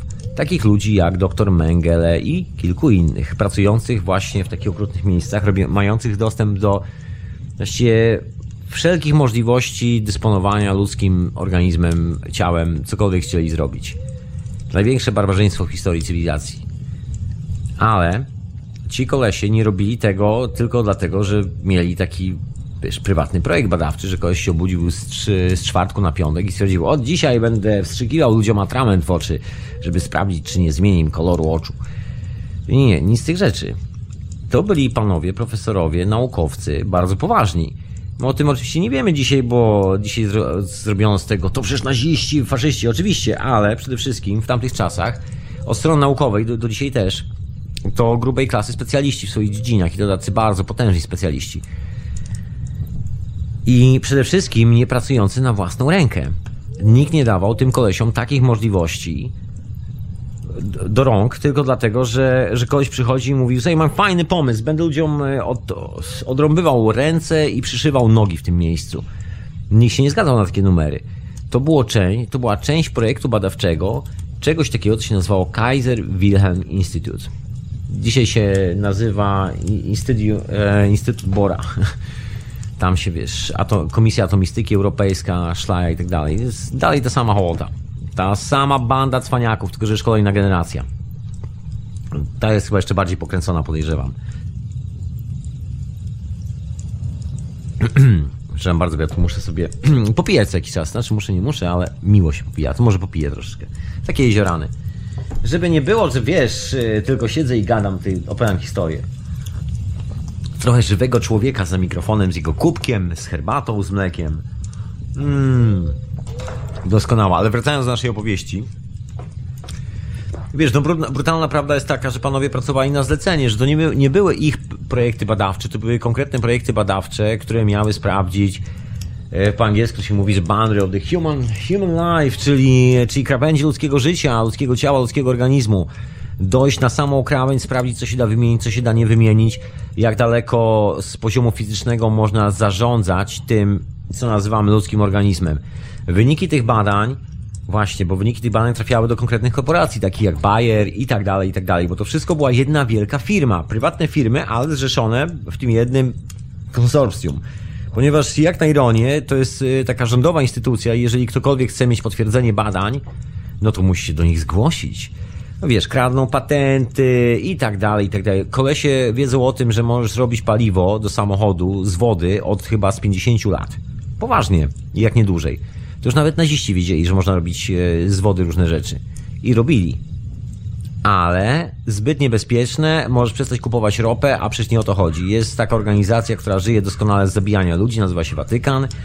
Także tam chłopcy, chłopcy biegający w sukienkach doskonale dbają o to, że ten biznes polaryzacji nigdy się nie skończył. Nie po to wywalili kupę kasy, i wszyscy o się nie wymordowali co do jednego kilka razy, żeby teraz sobie podrzynać gardło nawzajem. Teraz, kiedy biznes tak świetnie idzie, kiedy są panami części świata, gdzie i mają taką spolaryzowaną religię, która mówi o tym, że jest dobro i zło, że jest Jezus i diabeł. I wiesz, a ty miotany tymi tymi chorobami psychicznymi będziesz wiecznie się obawiał, jejku, muzułmani mnie zaatakuje, nie zaatakuje. Z drugiej strony próbują, wiesz, tam przycisnąć kolesi muzułmańskich, że wiesz, wy jesteście szaleni, wy jesteście wariaci. Koniec końców, wiesz, zawsze jakaś wojna religijna, jakiś podłożu, zawsze ta polaryzacja się przyda, zawsze można, wiesz, zrobić tego kawałek wojenki. Aktualnie się obserwuje, że Watykan przecież gigantyczną kasę w firmy zbrojeniowe. Chyba lepszego inwestora nie ma aktualnie. To w ogóle taki dowcip, że jak to są targi bronią, Poważnie, w Londynie są to największe, najbardziej prestiżowe targi bronią i te pierwsze trzy dni są w ogóle, zdaje się, chyba trzy dni zamknięte w ogóle dla zwiedzających. Pierwszy dzień to jest w ogóle super, czy pierwsze dwa dni super secret tajne. I wjeżdża się w ogóle limuzyną od tyłu, czy jakoś tak, samochodem z zaciemnionymi szybami najczęściej. Jest się sprawdzanym przez e, brytyjski wywiad. Poważnie, MI5 i tak dalej, bo tam są wszyscy tłuści kolesie z tłustych, wiesz, korporacji produkujących e, maszyn do zabijania. I wtedy ponoć, ja nigdy nie byłem na takich dniach, nigdy mnie to nie jarało i wtedy masz dostęp do takiej najbardziej e, wysublimowanej, wyszukanej technologii ludobójstwa, jaką możesz kupić. No i właśnie na tych dniach przecież tam biskupi się pojawiają, słuchaj, z Watykanu, poważnie. Ludzie, którzy reprezentują Wat Bank Watykański. Co robią w takim miejscu? Ci, którzy, którzy powinni sobie wytatuować na czole nie zabijaj, nie pożądaj, wiesz, kochaj bliźniego swego, shit. Co za banda złamasów, dokładnie. I ta banda złamasów nieustannie planuje wojny. Oni mają swoją strategię, taką e, bardzo znaną. Tworzą, tworzą propagandę, tak jak się tworzy w wielu, wielu krajach. Tak, tak jak się tworzy historię, tworzy się nieistniejące wydarzenia, bitwa pod Grunwaldem się tworzy. E, no właśnie, przepraszam, bitwa pod Grunwaldem była, ale tworzy się bitwę pod... E, na, na Psim Polu we Wrocławiu na przykład, a tam nie do końca była bitwa. I tak dalej, i tak dalej. E, tworzy się różne ciekawe historie, które w rzeczywistości nigdy nie miały miejsca, albo się przesuwa te historie, albo niektóre się odwraca po prostu jak kota do góry ogonem. Tak, żeby nasze pojęcie o naszej przeszłości było naprawdę słabo mizerne, tak żeby każdy był dosyć e, mocno skłócony w głowie i właściwie wiedział skąd jest, po co idzie i gdzie zmierza. Wszystko wydawało się bez sensu, zatomizowane, pełne sprzeczności, agresji, nienawiści. Chyba pójdę jak spłacę kredyt, to sobie w głowę. Trochę taki obrazek nam się szykuje, żebyśmy właśnie w ten sposób myśleli w ten sposób podchodzić do świata. W rzeczywistości wszystko wygląda zupełnie inaczej. No właśnie, ale to zupełnie inaczej to jest inna sprawa, bo to jakby główny wniosek z tego jest taki, że jest grupa ludzi, która naprawdę mocno się stara, mocno się stara ograniczyć drugą grupę ludzi. Powód, y, oficjalny powód jest taki, że twierdzą, że z powodu na to, że jest to organiczne życie na planecie Ziemia, a oni mają władzę, pieniądze i armię i są zdesperowani, są po prostu takimi ludobójcami, takimi, wiesz co chodzi, świry, którym się wydaje, że są właścicielami świata i że nagle opanowali strategię, ekosystem i że wiedzą, jak powinna wyglądać przyszłość świata, wymyśliła ta banda świrów, nagle skumała, że tak zdewastowali świat, że aktualnie populacja na świecie jest za duża i trzeba wyciąć ileś tam milionów ludzi, musi zostać ich ileś tam set y, tysięcy i tylko to jest akceptowalne i oni dalej będą władcami świata, jako wiesz, takie iluminati, oświeceni, którzy, którzy ocalą wszystko od zagłady, wezmą tą technologię i z tą grupką rozbitków 200 paru tam tysięcy ludzi otworzą cywilizację na nowo, robiąc jakiś raj na ziemi. W rzeczywistości wiemy, że całe to Illuminati to w większości banda pieprzonych pedofili, złodziei, bandziorów, e, psychopatycznych morderców itd., tak itd., tak którzy nagle poczuli w swoich, e, w swoich duszach wenę, wenę do bycia mesjaszami nowego porządku świata.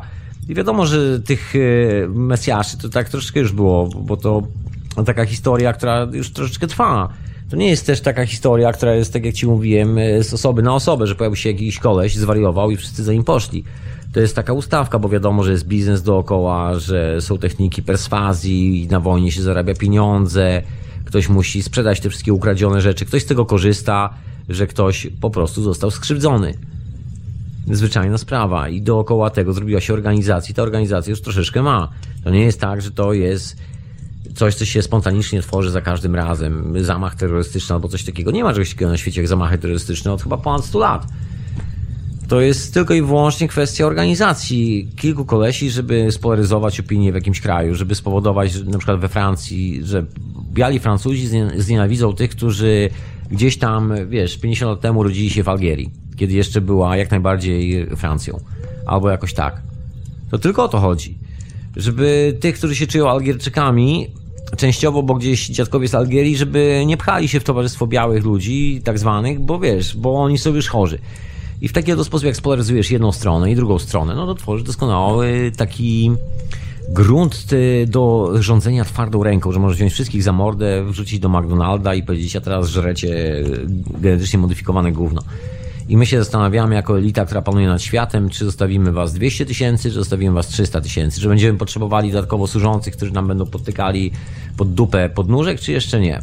Jak będziemy potrzebowali służących z tym podnóżkiem po naszą dupę, to zostawimy jeszcze ekstra 100 tysięcy ludzi, bo będzie trzeba z kolei zrobić służących. Wiesz, to jest taki sposób myślenia, że właściwie nie ma ludzi niezastąpionych. Przy czym, widzisz, największy dowcip polega na tym, że wzięło się to właśnie z tych genialnych odkryć lat 30., lat 20., w ogóle odkryciem Biona, między innymi też. Chociaż Wilhelm Reich nie należał do grup iluminackich ani żadnych takich świrów, to jest historia związana z Watykanem, mafią włoską, yy, możnymi ro, rodami z Europy, królewskimi. Dokładnie to ci ludzie, którzy posiadali biblioteki, mieli troszkę większy dostęp do badań, zauważyli, że mają przewagę nad e, wieloma innymi, medyczną przewagę, bo potrafią, e, bo mają dość do lepszej technologii medycznej, czyli jeżeli na przykład przysłowiowego króla albo bogacza, albo bankiera szlak zacznie trafiać, to on ma dojście do lepszej kliniki niż ty. I to jest taka pierwsza podstawowa różnica. I wszyscy ludzie, którzy po drodze się pojawiali, właśnie chociażby Wilhelm Reich, którzy dawali ci tą możliwość, że w tym momencie twoje szanse się wyrównywały, nagle dostawali mocno po dupie, nagle umierali w szpitalu na zawał serca dwa dni przed, yy, nie w szpitalu, w więzieniu, na dwa dni przed zwolnieniem z więzienia. Przepraszam bardzo, ja tu muszę włączyć muzyczkę, bo tak jak słyszysz, no właśnie, a mój chleb, a mój chleb już dzwoni, ja tu włączę jakąś muzyczkę, bo tak się zagapiłem troszeczkę, zagadałem i jak zauważysz, też ciekawa rzecz, że wyrzucanie tych kolesi przez okno ich wynalazków jest tak za, y, zjawiskowe, że to się w pale nie mieści. Słuchaj, czy naprawdę wierzysz w to, że jeżeli pojawia się na świecie około 100 pieprzonych naukowców, którzy robią tak cholernie dobry staw, który stawia ludzi z nowotworów, ze wszystkiego, z białaczek, są lata 30., lata 40., terapię wykorzystuje się masowo, mowa jest o tysiącach ludzi wyleczonych. Słuchaj, dane z amerykańskich szpitalów z używaniem biorezonansu z jednego tylko roku w miasteczku o nazwie Filadelfia, było to 100 lat temu, wynosiły zgadnij ile? 37 tysięcy ludzi, przypadków klinicznych wyleczonych. Dałbyś wiarę? W jednym szpitalu. Takie rzeczy się działy. I teraz sobie pomyśl, jakim cudem wszystkich tych kolesi, cały, cała gałęź przemysłu, bo to przecież nie było tak, że to było trzech zwariowanych doktorów. Nikola Tesla plus kilku wariatów, którzy nie wiedzieli, co robić z wolnym czasem, bo nie chciało im się spać. Człowieku, czy ty naprawdę jesteś szalony, oszalały? Nic z tych rzeczy. Jeszcze były tysiące ludzi, które pracowały nad tym tematem. Publikacji naukowych, książek, prywatnych laboratoriów. Przecież to w ogóle... Właśnie, coś się stało i nagle to zniknęło. Ale zaczęło znikać wszędzie i zaczęło znikać zjawiskowo. W okolicy właśnie Kaiser Wilhelm Institute. Zaczęło znikać w kilku innych miejscach, przy okolicy Smithsonian Institute. Znikało przy rządach, polity politykach. Znikało przy urzędach patentowych i korporacjach. Ciekawe rzeczy, prawda? A mówią, że nie ma żadnej grupy rządzącym światem. Nie ma, absolutnie nie ma. I wszystko się dzieje tak po prostu. Wilhelm Reich się potknął o swoje własne sznurówki i dostał zawału serca w więzieniu. Meyer to się zabił w samochodzie. Na wodę oczywiście samochód. Zakrztusił się wodą z własnego gaźnika. Ach, e, no właśnie. No. Ja tymczasem e, sprawdziłem swoje pieczywo i już doskonale się nadawało, także mój chleb, słuchaj, już się piecze. Przede mną kolejne pół godziny z wytęsknieniem, oczekiwania na zapach, który się tu pojawi. Ale pomiędzy tym zapachem e, skracam sobie odległość do tej kanapki chleba, rozumiesz? No właśnie, skracając tą odległość, skracam ją z tematem dzisiaj hiperprzestrzeni. Ta moja dzisiejsza odległość to taka refleksja, że nie zauważamy tego, że właściwie sami się podkładamy w, w bardzo takiej ciekawej sytuacji. Tak sobie czasami obserwuję, wiesz, wszystkie te historie związane z życiem pro, propagandowym planety. Tak jak wspomniałem wcześniej, żadne z tych wydarzeń, dużych wydarzeń, które się dzieje, nie jest wydarzeniem, które jest generowane spontanicznie przez jakiegoś człowieka. Jest to z reguły propagandowa historia, mocna ustawka. Świat, który się dzieje naprawdę za naszymi oknami, no jest światem, o którym nikt nam e, nie chce nic e, bliżej opowiedzieć, bo jest, wiesz, zbyt ryski, zbyt ryzykownie. Historia związana chociażby z tymi obiektami, które latają sobie na, zewna na zewnątrz kokpitów, na przykład promów kosmicznych nakręcone przez NASA. Wiele takich rzeczy, wszystkie te przypadki niezidentyfikowanych obiektów latających, wiesz, masa rzeczy. Możesz, możesz e, otworzyć wielką, dużą księgę z milionem tematów i zawsze te tematy są w tak dziwny sposób kraszowane. To jest taka normalna rzecz. Troszeczkę jakby ktoś próbował na siłę zrobić z tego element ustawki. To też tak falami. Widać po prostu na świecie takie planowe działania. No nie, ma, nie jest to kwestia wiesz, jakiejś pani e, prześladowczej, tylko kwestia świadomości. Wiadomo, że Widzisz, może akurat nie pracowałeś w takiej branży, ale ja pracowałem. Wiem, jak wygląda organizacja budżetu na kampanię reklamową i to nie na taką kampanię reklamową, że wiesz, robimy w małym miasteczku po prostu reklamówkę lokalnego sklepu i rozdajemy ulotki, tylko coś, co startuje na przykład na całym świecie, dokładnie w tym samym momencie. Od Tokio poprzez Nowy Jork, Londyn, Paryż, gdziekolwiek wszędzie na świecie i Moskwę. I przygotowanie takiej akcji, takie samo ostateczne zapinanie trwa w okolicach 6 miesięcy. I to jest już zapinanie gotowej, przygotowanej strategii. W rzeczywistości, żeby doszło do takiej historii, to ty musisz 5 lat wcześniej o tym pomyśleć. To się nie dzieje naprawdę tak z miesiąca na miesiąc. Ja wcale nie żartuję. Jeżeli otwierasz fabrykę, cokolwiek, jakikolwiek biznes, to jest to wyliczone na 3, 4, 5, 6 do 10 lat. Przecież kredyt na fabrykę, rozumiesz, to nie jest coś, co spłacasz w ciągu jednego miesiąca. To nie jest tak, że nagle pojawi się nie wiadomo jak produkt znikąd, tak jak na amerykańskim filmie, że koleś w ciągu jednego dnia staje się multimilionerem. Tylko to są takie, wiesz, globalne plany strategiczne. Ktoś musi znaleźć miejsce, gdzie się opłaca postawić fabrykę, opłaca się tam ściągnąć taką, a nie inną technologię, żeby nie przepłacić i tak dalej, i tak dalej. To są wszystko procesy, które zajmują w cholerę czasu i w cholerę ludzi. I numer polega na tym, że część z nas jest to mocno zaangażowana zawodowo. Sam byłem przez jakiś kawałek czasu wiesz, pracując w branży reklamowej, w jakiejkolwiek branży, masz dokładnie to samo, obsługujesz ten właśnie, ten sam kawałek świata. Ten sam, po angielsku mówiąc dodgy, czyli podejrzany, dziwny kawałek świata, gdzie czerwony samochód wyznacza to, kim jesteś na przykład. Jego prędkość, którą rozwija na autostradzie i to, jak dużo egzemplarzy wyprodukowano w ciągu ostatniego roku i de definitywnie za jak dużą sumę albo jak mało możesz go kupić jak e, długo będziesz musiał na to czekać.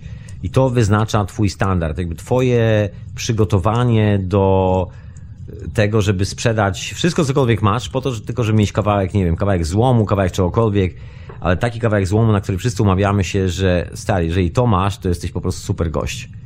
Dokładnie, na tej zasadzie. Bo jeżeli oczywiście ten, kawałek złomu nie czyni z ciebie super gościa, no to wiesz, to po co, nie? No w rzeczywistości ten cały porządek świata, który się tak pojawia dookoła nieustannie, nigdy w życiu by nie zaistniał, gdyby nie właśnie nasza chęć, dobrowolna chęć współpracy. Na ten, na ten, na tą ustawkę, dokładnie. Bo to nic innego jak tylko taka ustawka. I też, e, też myślę, że jest pewien, pewien rodzaj schizofrenii, który w nas drzemie.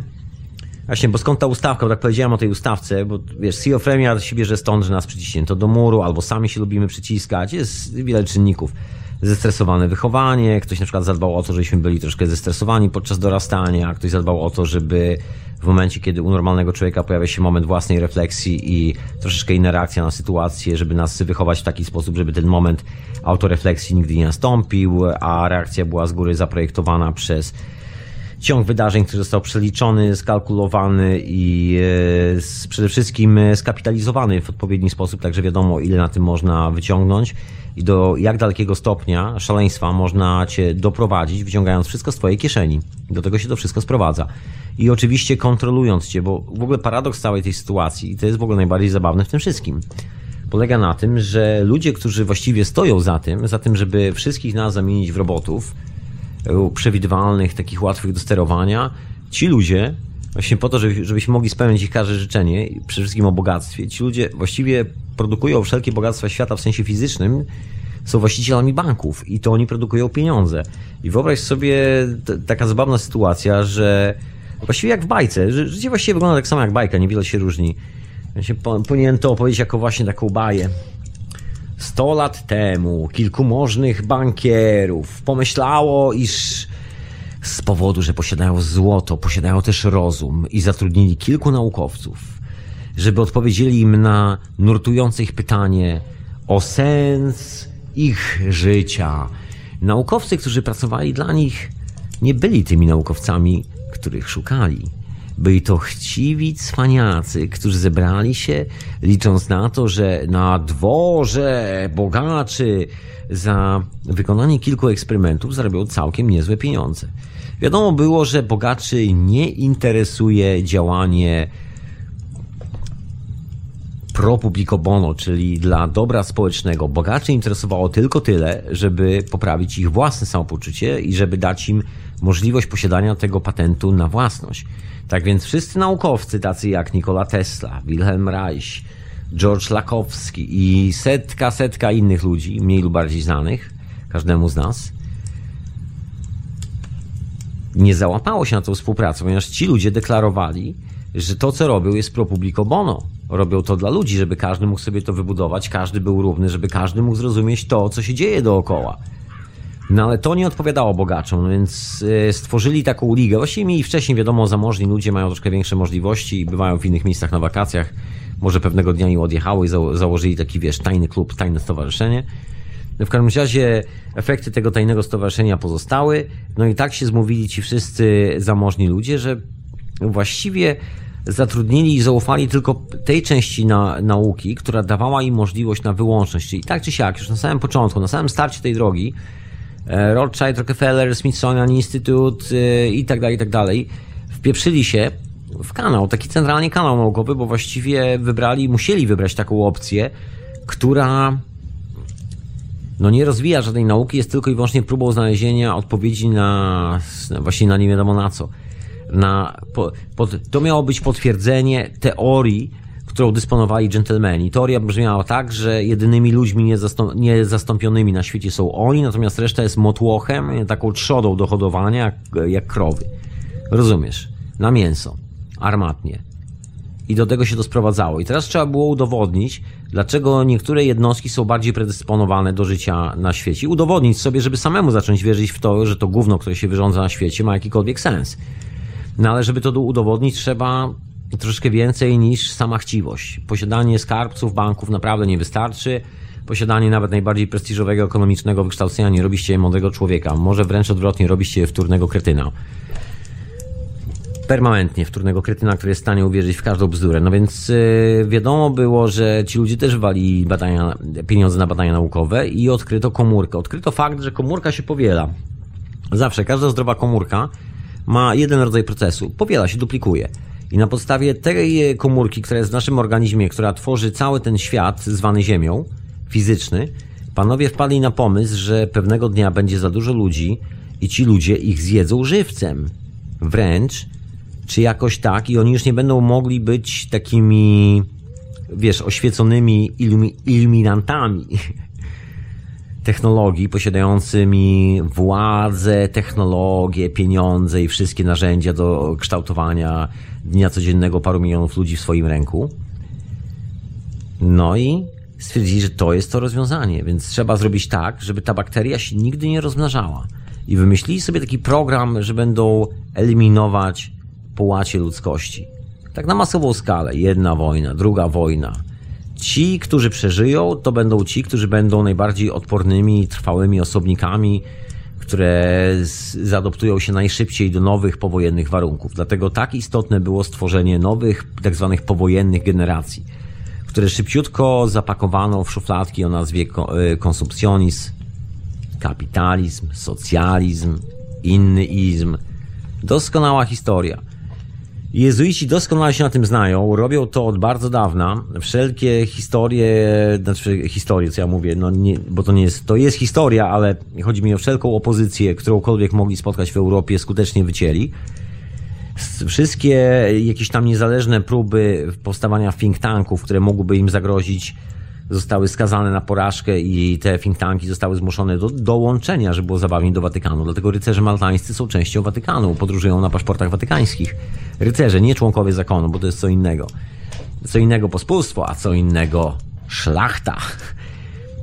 I co jest ciekawe, właśnie widzieć ten nieustanny podział świata, co jest dosyć kuriozalne, kiedy spojrzysz na to, że żyjemy w XXI wieku i doskonale wiemy, że problem przeludnienia na Ziemi nie jest y, w ogóle realnym problemem. Jest problemem wymyślonym przez kolesi, którzy myśleli, że wiesz, odkryli model klimatyczny, że odkryli wszystkie modele rządzące światem. I teraz jest taki zabawny moment, że ilekroć ustawiasz ten teleskop na kosmos, nagle się okazuje, o shit, galaktyka, która nie powinna istnieć, o shit, połączenie grawitacyjno-magnetycznych pól, które nie powinno istnieć. O shit, i to nie powinno istnieć, i to nie powinno istnieć, a to wszystko istnieje.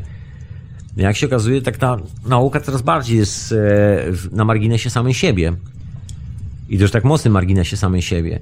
Się okazało, że właściwie wszystkie te pomysły na temat wiesz, eliminowania chorych jednostek, taki, taki pomysł w ogóle nazistów, taka druga Sparta, się okazał trefnym pomysłem. Właściwie nie wiadomo, co znaczy chora jednostka jednostka chorobowa. Każda ma swoją grupę, wiesz, bakterii, która jest potrzebna po to, żeby cała reszta mogła funkcjonować w doskonałej równowadze. Słynna historia z parku Yellowstone, którą kiedyś opowiadałem, że zabrakło wilków w parku, jednego gatunku, bo komuś sobie tak e, wpadło do głowy, że po co tam wilki, wystrzelali wszystkie. I jak wilki wróciły, to nagle wrócił cały ekosystem. I nie ma czegoś takiego, że na świecie jest ktoś niepotrzebny, ale widzisz, w głowie człowieka, który już, e, jak mawiają w mojej rodzinie, bardzo nieeleganckie powiedzonko, przepraszam wszystkich o wrażliwych uszach, proszę odsunąć dzieci do odgłośnika, od radiokomputera, ale że tak powiem, ci, którzy mają już tyle pieniędzy, mają takie wrażenie, że e, wyżej strają niż swoją głowę noszą. Troszeczkę tak już to wygląda. I już troszeczkę oszaleli i stwierdzili, że są już taką elitą intelektualną i elitą wszystkiego na świecie, że teraz będą dbali o ten nowy porządek. I zobacz, co się dzieje. Przecież masz, masz masę historii, które, które są związane bezpośrednio z rządami i systemem y, sprawowania tzw. Tak sprawiedliwości, czyli sądami i policją. Wszystkie służby policyjne na styku korporacji i władzy. Szczególnie firmy farmaceutyczne. Zobacz, co się dzieje w dziale terapie nowotworowe na świecie. Dosłownie parę chwil temu został opublikowany miażdżący blueprint, tak zwany blueprint, no, całe takie rozpracowanie naukowe, jak usuwać raka w ekstremalny sposób za pomocą technologii plazmowej. Technologia kosztuje grosze. No ale właśnie technologia kosztuje grosze. A ustawka na to, żeby w ogóle, wiesz, ten cały świat funkcjonował, kosztuje od pacjenta w okolicach, ty tego nie, nie wiesz, bo może ci mówią, że płacisz to z ubezpieczenia społecznego i tak dalej. Bullshit. Prawda jest taka, że i tak wszystko idzie z swojego portfela. Niech ci się nie wydaje, że poseł płaci za ciebie albo twój prezydent. Naprawdę nie wiesz takiej opowieści. W każdym razie twoja terapia kosztuje od 3 do 15 tysięcy dolarów miesięcznie. I są to pieniądze, które cały ten tak zwany system zdrowia, w jakimkolwiek kraju w Anglii jest tak samo, musi zapłacić korporacjom, od których kupuje sprzęt, defibrilatory, skanery, kable, wszystko. Powiem Ci najlepszy numer, że ten najbardziej zaawansowany sprzęt laboratoryjny jest produkowany na 110 V nawet na Europę. Wyobraź to sobie, to jest taki monopol, że ty musisz mieć nawet instalację 110 V do tego urządzenia, bo jest produkowane przez amerykańską firmę i tylko ona ma licencję na sprzedawanie ci tego urządzenia. Rozumiesz? I dlatego właśnie wszędzie w gazetach masz y, takie zaproszenia do udziału w programach badań nad, nad rakiem y, sponsorowanych przez duże korporacje. Nie dość, że oni cię okradają, mordują ludzi na zamówienie, bo to jest morderstwo na zamówienie.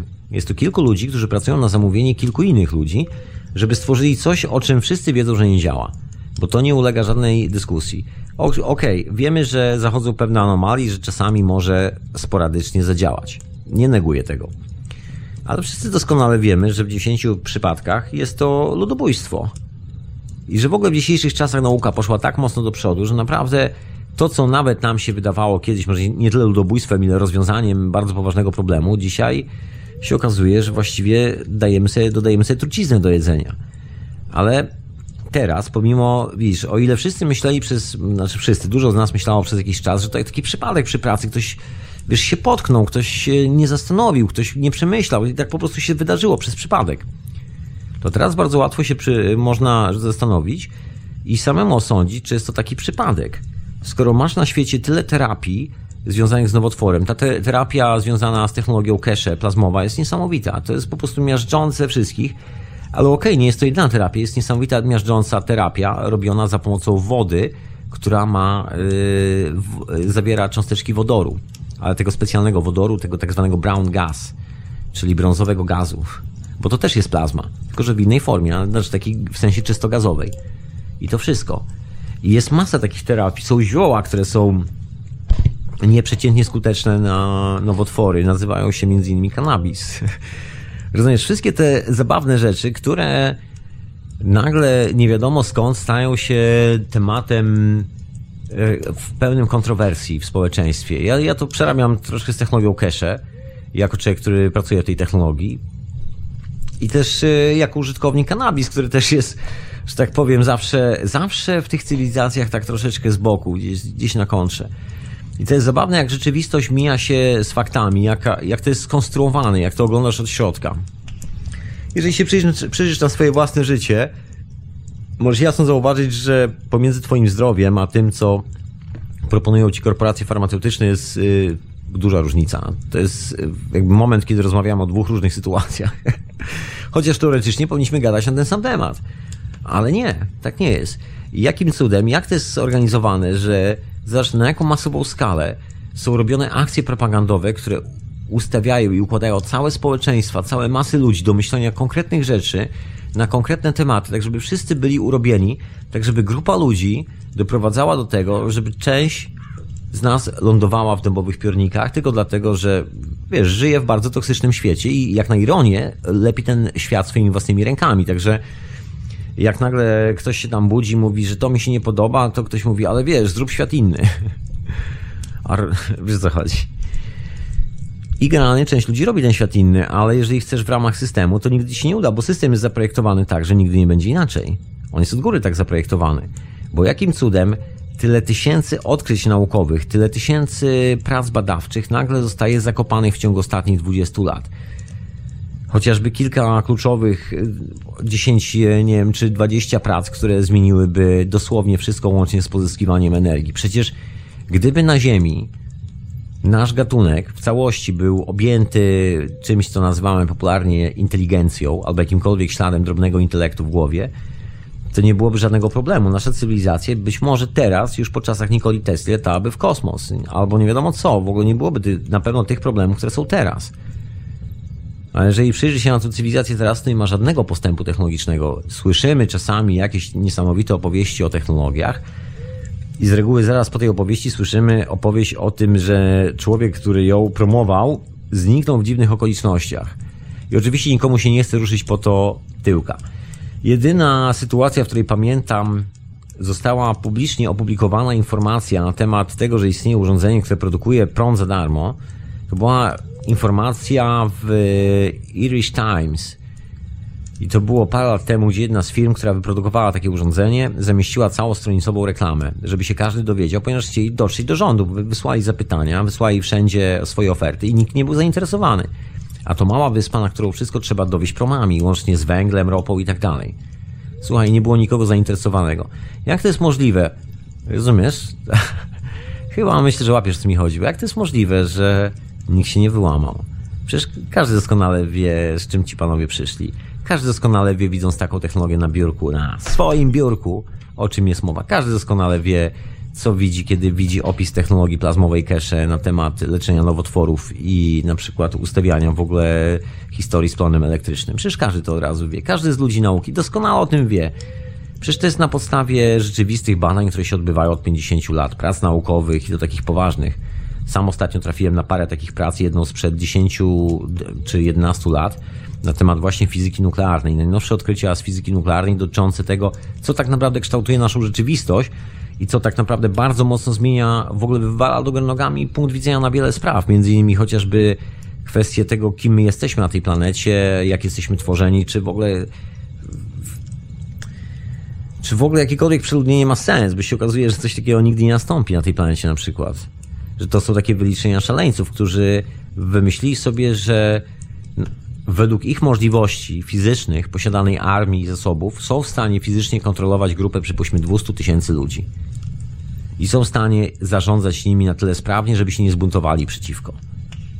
I do tego się to sprowadza, że jest dalej grupa ludzi, która sobie wymyśliła kawałek świata, w którym będzie miała swoich 200 tysięcy niewolników i te 200 tysięcy niewolników będzie dostarczało im codziennie rozrywki po tym, jak wszystko się zmieni na świecie. Jak nas już tam potencjalnie nie będzie. Bo my jesteśmy taki, wiesz, mindless vassal. takie bezmyślne dzbany, takie, wiesz, do noszenia tylko, wiesz, portfela przy sobie. No ale jak się okazało, ta, ta historia związana z wywołaniem tej globalnej pandemii, wojen globalnych i dosłownie wysadzenia w powietrze pół świata, skończyła się na, na tym, że właściwie pojęcie, które kiedyś jeszcze istniało i było takim, taką marchewką na każdego z nas, żeby partycypować w tym wspólnym zabijaniu, żeby zostać tą klasą średnią, która będzie płaciła podatki na wojny w Wietnamie, wiesz, później na wojny w Afganistanie i tak dalej, i tak dalej, ze swojej własnej kasy i próbowała dorobić jeszcze lepszej firmy, jeszcze lepszego biznesu, żeby stanąć, wiesz, przy jeszcze większym własnym basenie, jeszcze większym domu ta część, która jeszcze była zapraszana, teraz już nie jest zapraszana. Teraz wydaje mi się, to w ogóle takie wieści z tego świata dochodzą, jak rozmawiam z ludźmi z różnych miejsc, że pojęcie klasy średniej właściwie przeszło do historii jako takiej. Nie ma już właściwie klasy średniej. Wszyscy jadą na jakichś permanentnych długach. Właściwie utrzymanie czegoś, co się nazywa normalnym standardem życia, w ogóle jako takie nie jest możliwe bez, yy, bez poddania się takiemu permanentnemu niewolnictwu. Jeżeli oczywiście chcesz żyć na zasadzie takiego, wiesz, skóra, fura, basen i komura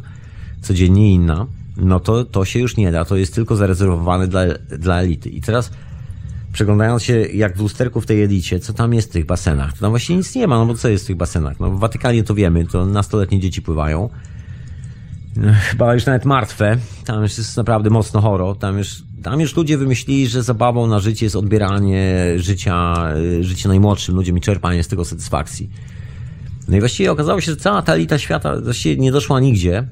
Poza tym, że właściwie no, doprowadzili się do skraju takiego załamania, może być nerwowego, w którym, żeby potwierdzić fakt swojego istnienia, muszą, muszą za te wielkie, koszmarne pieniądze robić sobie te wszystkie tajemnicze spotkania, Bohemian Group i tak dalej.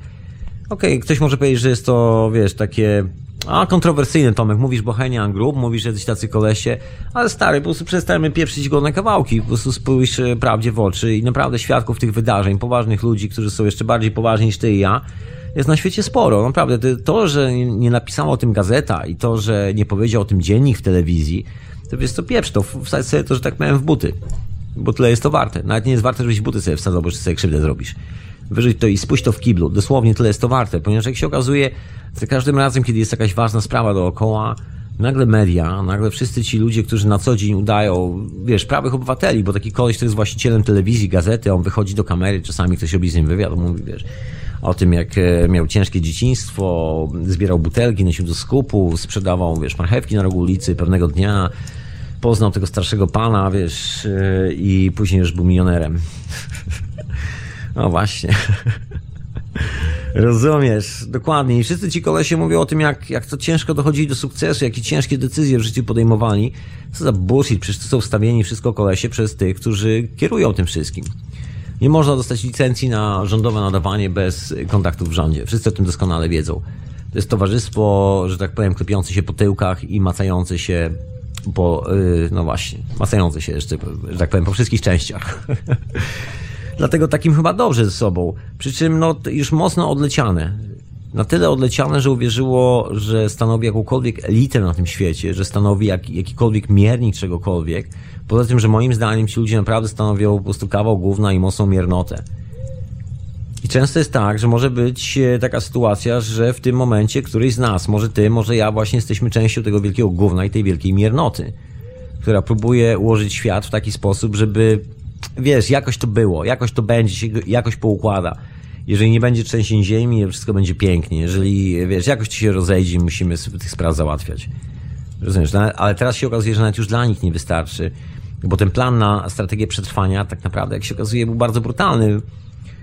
Jak zwykle się wykańcza się e, najszybciej własnych żołnierzy i cała ta chyba mafia, ta, cała ta ustawka przez to, że wychowała to pokolenie Benzwałów, które nie ma ani grama, ani resztki oleju w głowie, które jest w stanie pójść w ramach leczenia się ze wszystkich możliwych chorób do apteki i kupić wiadro pestycydów, następnie po prostu zerzeć to wiadro pestycydów i następnego dnia pójść po kolejne wiadro pestycydów i też je zeżreć dziwi się, że właśnie schodzi z tego świata. Ciekawe dane tutaj są udostępniane z NHS. Znaczy nie są one udostępniane publicznie, ponieważ są zbyt y, zastraszające, ale są udostępniane w rządowych raportach, których oczywiście nikt nie chce przeglądać, nikt nie chce czytać, ale jest obowiązek prawny udostępnienia takiego raportu i tam są wyniki badań, które trzeba udostępnić. Nie trzeba, nie trzeba o tym głośno krzyczeć, ale on po prostu musi być prawnie dostępny. Taka, wiesz, zaleta życia w kraju prawa. No i papiery z NHS mówią o tym, że dosłownie, nie wiem, czy z księciem Edwardem o tym nie gadaliśmy jakiś czas temu, nie wspominałem tego, ale wygląda to na 50% ludzi przeznaczonych do trumienki z powodu na nowotwór. Dosłownie. Tak bezczelnie napisane, że tam 50% populacji właściwie hookers, czyli kogo to obchodzi. I tak będą mieli rak. Dosłownie. Właśnie, a ja tym momentem, tym momentem, mmm, coś tu chleb.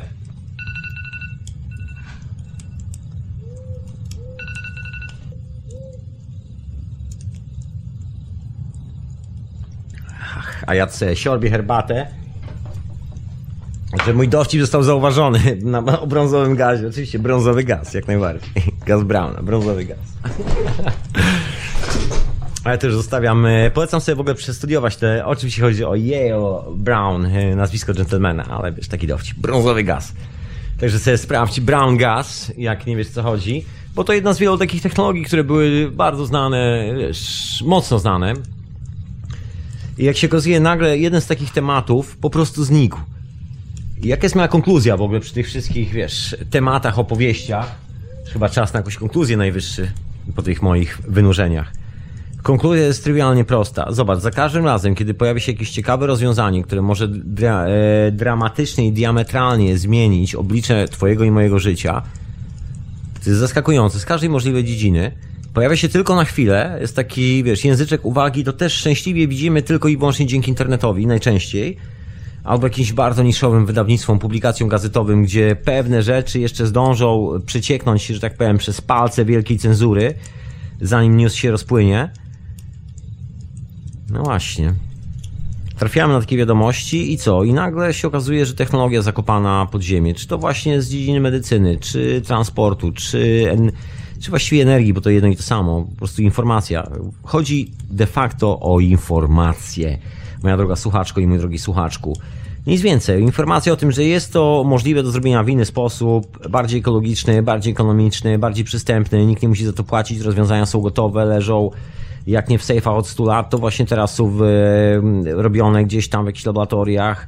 Chociażby tutaj jest kilka rozwiązań, które zastosowane, wiesz, wszędzie na masową skalę spowodowałoby zużycie i reduk znaczy redukcję zużycia prądu elektrycznego na gigantyczną masową skalę. Mowa jest o 80 minimum, e, znaczy tak od 50 do 80% redukcji na dzień dobry. Wyobrażasz sobie w skali w ogóle całego kraju, wyobrażasz sobie, kiedy parę ludzi, parę, parę milionów gospodarstw domowych dokładnie w tym momencie robi taki numer, jak się zmienia świat. Wiesz, ile wtedy ludzie mają czasu na swoje własne życie, ile nagle w tym momencie ludzi stwierdzi, że okej, okay, po prostu nie biorę tego dealu na swoje własne plecy, okej, okay, nie, nie stwarzam świata korporacji, w tym momencie, który po prostu zwariował. Bo de facto doszło do tego, że my jako society, tak zwane społeczeństwo, własnymi rękami zbudowaliśmy swoją własną zagładę.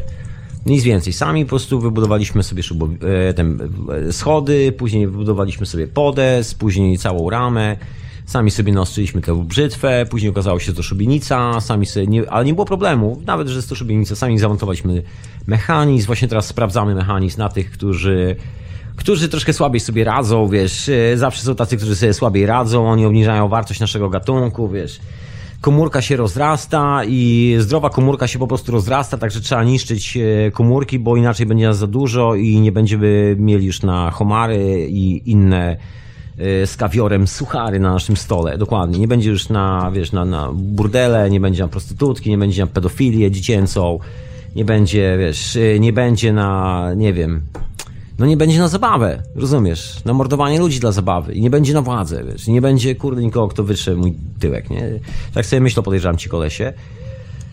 I, I nam sprzedali tą wizję świata. Przecież jak wielu z nas, ile razy się złapało na tym, że wiesz, że chcemy mieć takiego, taki ładny domek gdzieś, ładny domek na plaży, rozumiesz, gdzie się marzy, z palmą się najlepiej jeszcze marzy, i tak dalej. Ile razy popadliśmy w życiu ofiarami takich niespełnionych marzeń, bo to z reklamy, bo tak fajnie wygląda.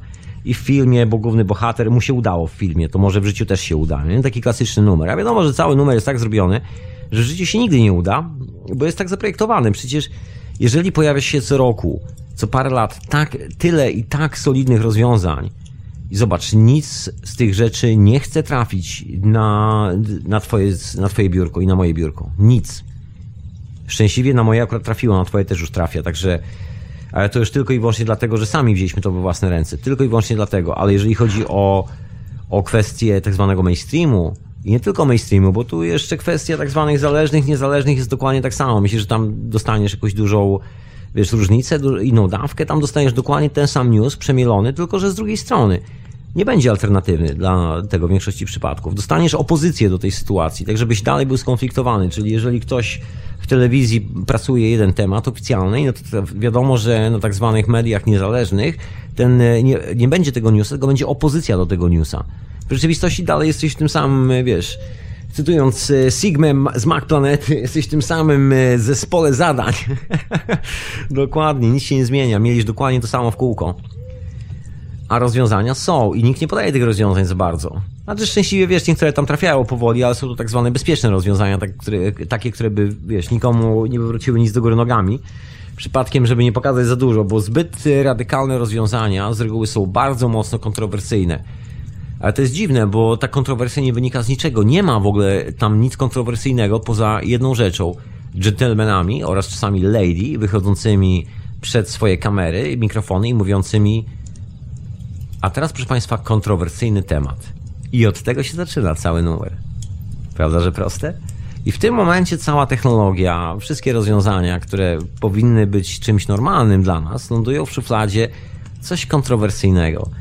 Czyż korporacje i grupka iluminatów nie może czuć się lepiej i bardziej spełniona w dzisiejszych czasach, kiedy dookoła ma, ma taką opozycję, która słuchaj, własnymi rękami sobie poderznie gardło, własnymi rękami doprowadzi do swojej własnej katastrofy, własnymi nogami uklepie sobie nagrobek i przydepta, żeby nigdy spod niego nie wyjść. To jest fantastyczne. A myślę, że doszliśmy właśnie do takiego punktu. I teraz jest punkt zwrotny, że część z nas, no myślę, że mocno się odwraca od tego, bo to już jest e, no jak to powiedzieć, znaczy, wiesz, nazywać można milion sposobów, jak mawiał dziadek, czyli taką najprostszą metodą, e, chłoporobotniczą, no nie można już być idiotą przez tyle lat. No jeżeli widzisz, że kolesie z tej strony i kolesie z tamtej strony to są przysłowiowi, excuse me my French, tu użyję bardzo nieparlamentarnego słowa, są podpierdalacze ciężkiej wody po prostu. No to co, będziesz się z tym bujał, z tym tematem, już dalej głosował na partie polityczne, dalej będziesz yy, się zajmował tym tematem, czy nie? No właśnie. Ja myślę, że jedyny, znaczy jeden z głównych powodów, dla którego media, jakiekolwiek by nie były, nas zawsze trzymają z dala od działających rozwiązań, bo są zbyt kontrowersyjne, wiesz, kontrowersja. To jest, to jest dokładnie ten powód, że bardzo łatwo wielu z nas mogłoby usiąść przy swoich stolikach, swoich warsztacikach i zrobić to rozwiązanie działające na całym świecie.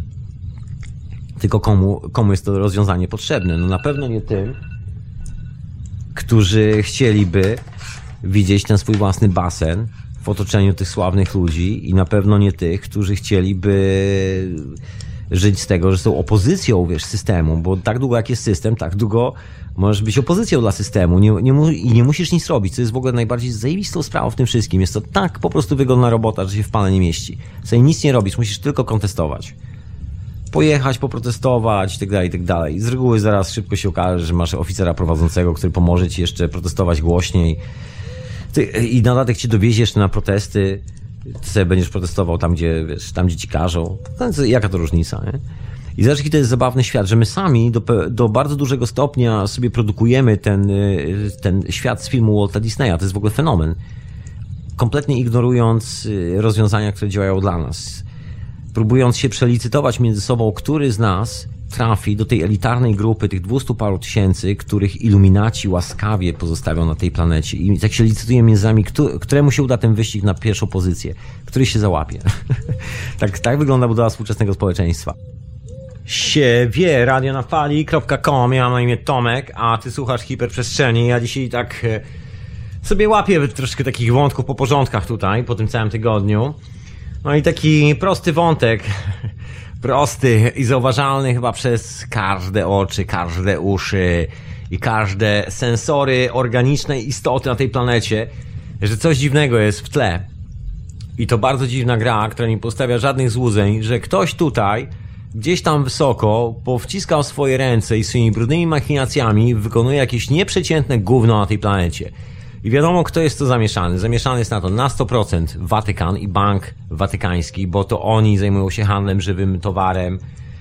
Słuchaj, ciekawostkę ci powiem. Powiem ci dwie ciekawostki, bo to tak na marginesie dzisiejszej, dzisiejszej historii. Ciekawostka, którą dowiedziałem się nie powiem skąd, dowiedziałem się, może być z e, bezpośredniej ręki. Miałem tu gościa i taką opowieść usłyszałem, że do Watykanu. Nie podam ci liczb, mogę mieć liczby dla ciebie, mogę zdobyć liczby, bo to nie jest żaden problem, ale zostawmy liczby. Powiem ci po prostu, jaka jest historia. Słuchaj, Watykan, miejsce, w którym e, mieszkają z reguły emeryci, taka jest oficjalnie, tam trzeba się dosłużyć, żeby się dochrapać, ale jak się okazuje, w ogóle dziwni emeryci, dziwni ludzie, bo można sobie sprawdzić oficjalnie, jaka jest e, populacja Watykanu, ile ludzi tam aktualnie przybywa i tak dalej. Oficjalnie jest to niby jawne. Wiadomo, że tam parę ludzi zawsze jest w tajemnicy, nie wiadomo ile jest do końca, ale spodziewałbyś się bardziej, no może 10, może 100 osób, o których nie wiesz, które w Watykanie są, a które tam być nie powinny na przykład. Ale wyjaśnij jedną rzecz. Sobie wyjaśnij. Ja sobie to wyjaśniłem. Mam swoje własne podejrzenia. Jakim cudem do Watykanu Słuchaj, przyjeżdża, przyjeżdża transport mleka. Przyjeżdża potężna ciężarówka, która przywozi jakąś gigantyczną ilość mleka, dosłownie nienormalną ilość mleka, która właściwie wystarczyłaby na zapewnienie mleka dla całej potężnej rzymskiej dużej dzielnicy. Nie mówimy o małym państwie watykańskim. Mówimy o dużej, potężnej dzielnicy. To tak jak taka duża hurtownia mleka, dosłownie. Przyjeżdża pod specjalną bramę, kierowca musi wyjść z tej ciężarówki, oddaje kluczyki człowiekowi z Watykanu, który wsiada do tej ciężarówki, brama się otwiera i samochód wjeżdża do Watykanu. Kierowca czeka na zewnątrz przez godzinę, ciężarówka wraca pusta, rozładowana po godzinie, on dostaje kluczyki z powrotem do ręki, może odjechać. Pytanie jest, komu potrzebna jest taka tona mleka? Szczególnie kiedy jest, y, wiesz, w takim wieku, no, no nie podejrzewam, żeby biskupowie i y, pracujący tam y, pracownicy tej korporacji pijali codziennie w okolicach, bo to wychodzi na, nie wiem, na jakieś chyba z 50 litrów mleka na głowę. Ciekawe. Co, dzieci tam mają? Taka ciekawostka. I wiesz, i wielu ludzi to wie. To nie jest, e, znaczy wielu ludzi wie jak wie. No wielu ludzi w Watykanie o tym wie, bo to jest, to nie jest kwestia tego, że ja się dowiedziałem, bo tacy ludzie jak ja mają o tym nie wiedzieć, ale postaw się na miejscu tych, którzy tam są, są na miejscu i o tym wiedzą, bo o tych jest mowa. To nie jest mowa o tobie i o mnie, bo my o pewnych rzeczach nie wiemy. My jesteśmy stawiani zawsze na tą drugą szalkę, na, na tą drugą stronę. Mamy być tym, yy, tym tanim mięsem, że tak powiem, do zaorania w tej cywilizacji. Wszystkie rozwiązania, które mają służyć naszemu dobrobytowi, naszemu zdrowiu, są automatycznie przez tych naszych dobrych przyjaciół, którzy tak nieustannie epatują nas wyrazami swojej miłości w naszym kierunku, są ewidentnie zakopywane pod ziemię. Przecież żadna gazeta w Polsce ci nie napisze o tym, że jest technologia, która redukuje ci na przykład zużycie prądu elektrycznego i leczy z nowotworów. I to w niesamowity sposób. To tak jakby Gazeta Wyborcza nagle napisała sobie na pierwszej stronie, bo razem z blueprintem na drugiej, na drugiej stronie wydrukowała informację pod tytułem jak tu sobie zbudować urządzenie, które redukuje ci zużycie prądu elektrycznego. Wyobraź sobie taki numer na przykład, nie wiem, Gazety Wyborczej albo wydanie Onetu albo coś takiego albo tutaj w Anglii wydanie BBC, główne, że nagle jest urządzenie, które redukuje zużycie prądu elektrycznego. Ludzie róbcie sobie te urządzenia, ludzie leczcie się, bo jest metoda, jak się samemu w rewelacyjny sposób wyleczyć tak itd. Tak nie. Nawet nie ma informacji o tym, że jest w ogóle taka technologia. Już nie mówię o tym, że ktoś ci każe to robić, że ktoś ci podaje informacje pod tytułem rób. Mówię o tym, że w ogóle jest i że nikt tego nie zakupuje pod ziemię. To pierwsza rzecz, której się dowiadujesz, kiedy trafiasz na tak zwane te dziwne, wiesz, zależne, niezależne media, różnie to się nazywa. Zawsze jest to powiązane z grupką ludzi, która jest troszeczkę wyżej, która ma trochę inny pomysł na życie. Zawsze jest ten sam argument, że to jest, że ludzkość jest na to niegotowa, to jest jedna rzecz, że to jest nikomu niepotrzebne, to jest też bardzo częsty argument i że to jest przede wszystkim tobie niepotrzebne i że, że to nie działa. No nie? I że to w ogóle to nie jest. Na końcu, jak jeszcze się uprzesz, to usłyszysz, że to nie są tematy, y, na które chciałbym rozmawiać z tobą. Taki tekst z reguły. To nie, nie zajmujemy się takimi tematami. To czym się zajmujemy? Takimi tematami mamy się zajmować. Tańcem na lodzie, gołą dupą jakieś aktoreczki, jakimś, wiesz, no nie wiem, to dla chłopaków, a dla dziewczyn to nie wiem. Co, trzeba by się dziewczyn spytać, czy mają się zajmować. Bo tam też już jest strategia dla dziewczyn, też mają być, wiesz, różowe paznokcie i szukanie księcia, który przyjedzie, wiesz, złotym Bugatti, nie? mniej więcej, Gainona najlepiej. Takie klasyczne podejście do tematu. I tak się urabia tych ludzi, urabia, urabia, mnie i ciebie, próbuje się urobić ale wiadomo, że nie jest to robota na jedną parę rąk, ani nawet na cztery pary rąk. Wiadomo, że jest to poważny proces, w którym zaangażowany jest w cholerę ludzi i to na bardzo wysokich stanowiskach. Zobacz na Polskę. Mały kraj gdzieś na zadupiu świata, w ogóle nieznany przez nikogo. E, można powiedzieć tylko Walenza, ale to gdzieś w katolickich krajach i Jan Paweł II, jakoś tak, to może tam gdzieś ktoś zapamiętał, ale tak normalnie to jest taki, wiesz, duży kraj w Europie, ale poza Europą, wiesz, a ty znasz duży kraj w, Indone w Indonezji, Dokładnie, na tej samej zasadzie. Nikt nie zna. Nikt nie wie, który jest największy. Chyba, że masz mapę pod ręką, wtedy może wiedzieć. Anyway. Tak czy siak, zobacz, takie małe państewko, a zobacz jak skorumpowane.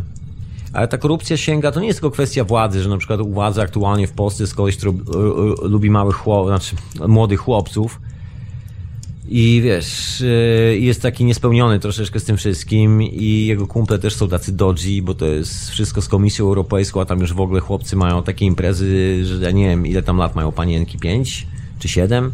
Bardzo dziwne towarzystwo. Bardzo takie, wiesz, towarzystwo, jak to się po angielsku mówi. Ekstremalnie dodgy towarzystwo, które, wiesz, zabawia się razem z tym polskim, które próbuje aspirować do tego europejskiego, żeby się dorwać na jeszcze lepszą, zamkniętą imprezę, gdzie będzie jeszcze bardziej perwersyjnie takim specjalnym e, zaproszeniem VIP. No i wiadomo, że ci, ci chłopcy są skorumpowani od początku do końca, bo oni, oni nieustannie, oni właściwie tylko dla wałów są tam, ale za tym stoi pewna zastanawiająca mentalność. Znajomy opowiadał mi ciekawą historyjkę w tym tygodniu. Znajomy z Polski, ogóle gadaliśmy sobie na Skype i opowiedział mi ciekawą historię. W jego miejscowości, przy, yy, nie będę podawał nazwisk ani wiesz, ani takich konkretów, w jego miejscowości, kolesi, których tam zna i tak dalej, bo to grono biznesmenów, mniejsza o to, postanowili wybudować fabrykę, czy tam coś kupili, postawili fabrykę. Ja się tak zapytałem, słuchaj, no ale przecież to chodziło o pewną technologię tej fabryki, taka dosyć, wiesz, głupia sprawa, słabo, słabo ze zdrowiem, tak bym powiedział.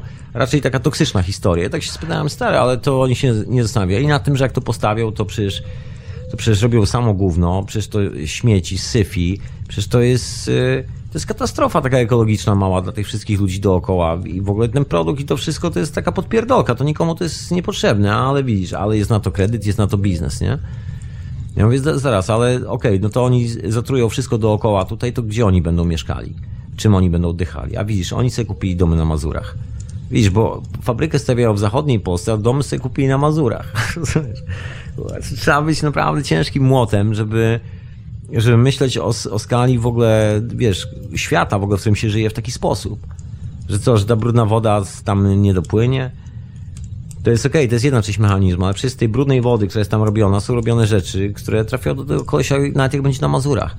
Bo on sobie nawet nie zdaje sprawy, ale jeżeli on robi taki numer, to inny koleś zaraz na Mazurach stawia mu tam fabryczkę. Nawet o tym nie wie, że tam koleś na Mazurach jest taki sam cwany gapa jak on i do tego jego ulubionego jeziora, w którym on się codziennie lubi kąpać, wlewa taki shit, że ten koleś wykorkuje zaraz, bo każdy, widzisz, próbuje troszeczkę, no może nie każdy szczęśliwie, mam nadzieję, że nie ty, no ja na pewno już e, skończyłem z tą zabawą, ale bardzo wielu dżentelmenów właśnie w tym guście, w tym towarzystwie próbuje ciągle, ciągle uczestniczyć w tej zabawie. Kto się załapie na ten stołek dla tych, wiesz, 200, którzy mają przeżyć, tysięcy, czy jakoś tak, tych, wiesz, tej elity. Kto się załapie na stołek dla elity? Kiedy wszystko pieprznie, kiedy wszystko, wiesz, się wywróci na plecy, to, to kto zostanie z największą ilością gotówki w kieszeni? I z pływami, to po, po, kogo przyjedzie wojsko, kiedy zacznie się powódź na przykład. Rozumiesz, takie numery, bo to jest tego typu myślenie, że jestem, wiesz, I'm the VIP, jestem kimś tutaj. Cokolwiek się stanie, nikt mnie nie ruszy. Rozumiesz? Zastanawiające. Naprawdę zastanawiające. I to jest, to jest ta mentalność e, intelektualna, mentalność, która stoi za tym, e, wiesz, pomysłem na świat znanym od słowa Illuminati z łaciny, bo chodzi oczywiście o łacinę, bo w końcu to się wzięło z Watykanu, to jest włoska mafia, CIA, policja, och, politycy, Europejski Parlament, Europejska Komisja do Spraw Atomistyki, wielu ludzi w ogóle, bo to potężne pieniądze, grube pralki pieniędzy, gigantyczne, handel bronią na masową skalę. Tak jak mówiłem Ci na początku tej audycji, jeżeli szukasz właścicieli firmy Beretta, Beretta, która robi broń, no to szukaj w Watykanie. Watykan jest właścicielem tej firmy. I nie tylko tej, innych tak, wiesz, ma pakiety, ma udziały. I to jest tak zrobione, żebyś się nigdy tego nie dowiedział. Tam ledwo co wyszło to, że oni mają właśnie, ups, fabrykę e, broni i amunicji. Bo to taka trochę trefna sprawa, bo wiesz, w sumie zajmują się zbawieniem. No właśnie, ale to też kwestia definicji zbawienia. Oni zawsze mnie dziwią definicję zbawienia.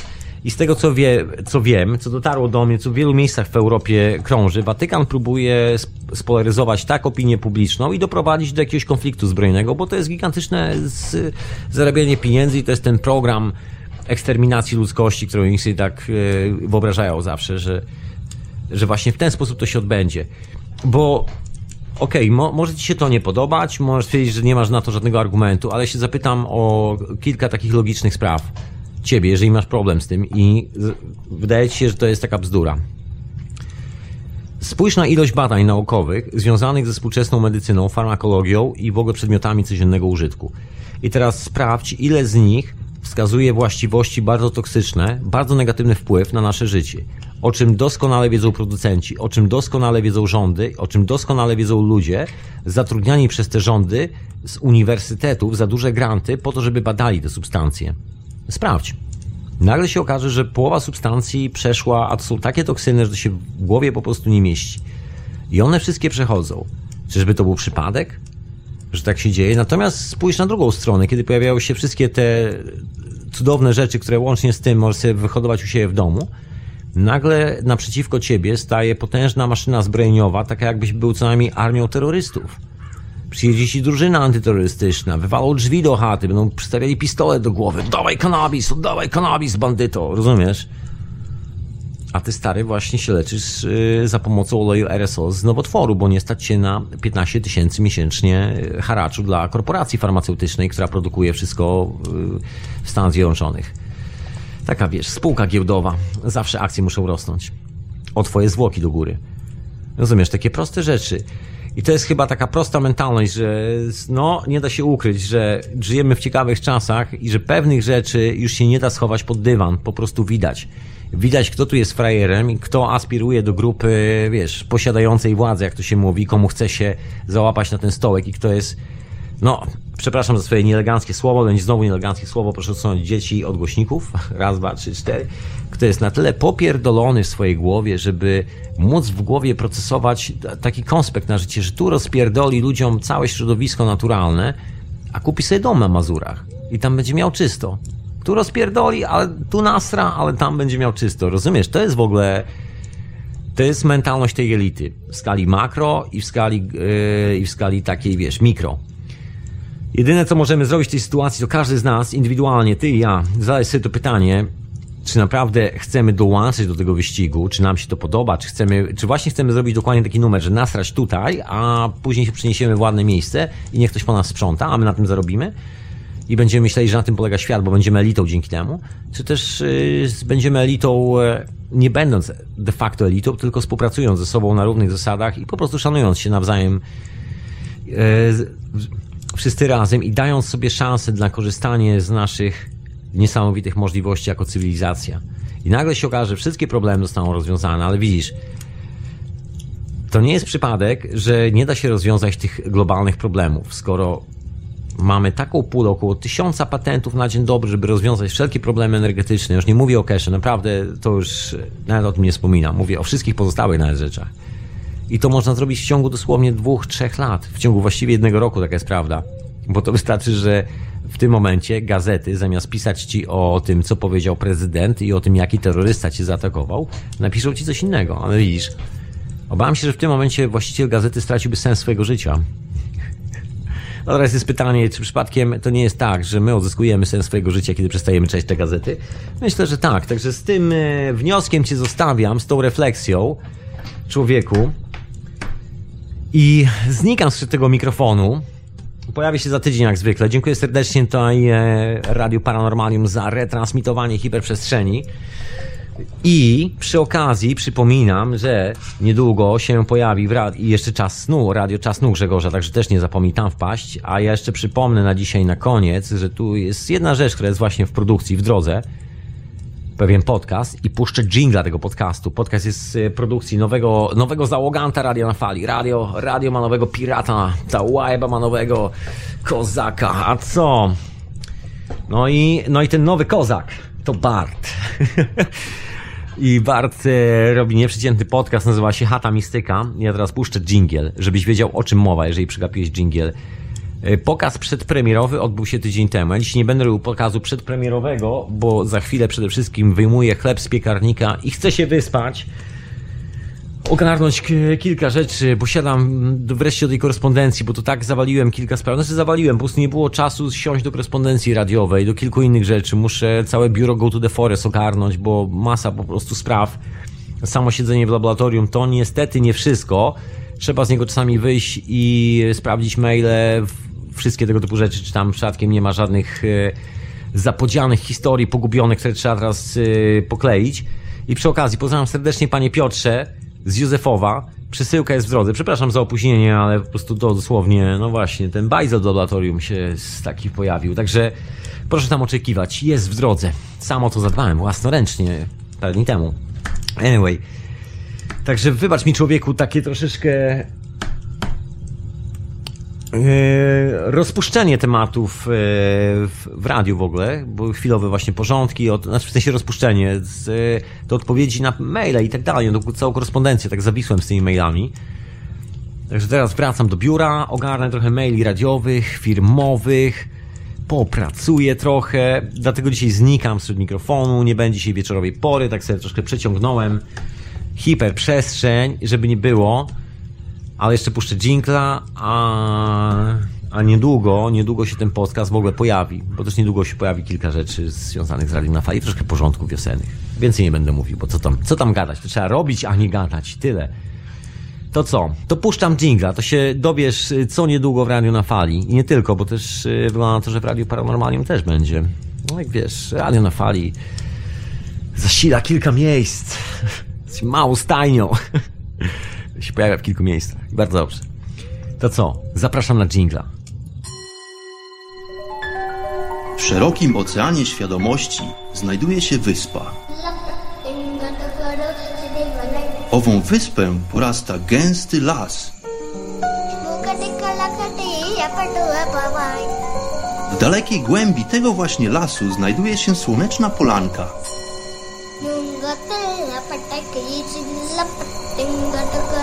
Przy tej oto polance, w gorących promieniach słońca stoi sobie pewna magiczna chata.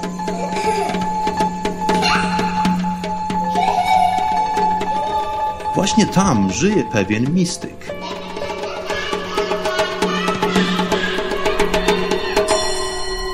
Mam na imię Bart i zapraszam wszystkich serdecznie do wysłuchania programu Chata Mistyka.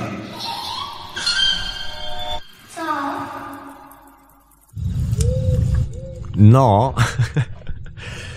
Dokładnie. Co? No.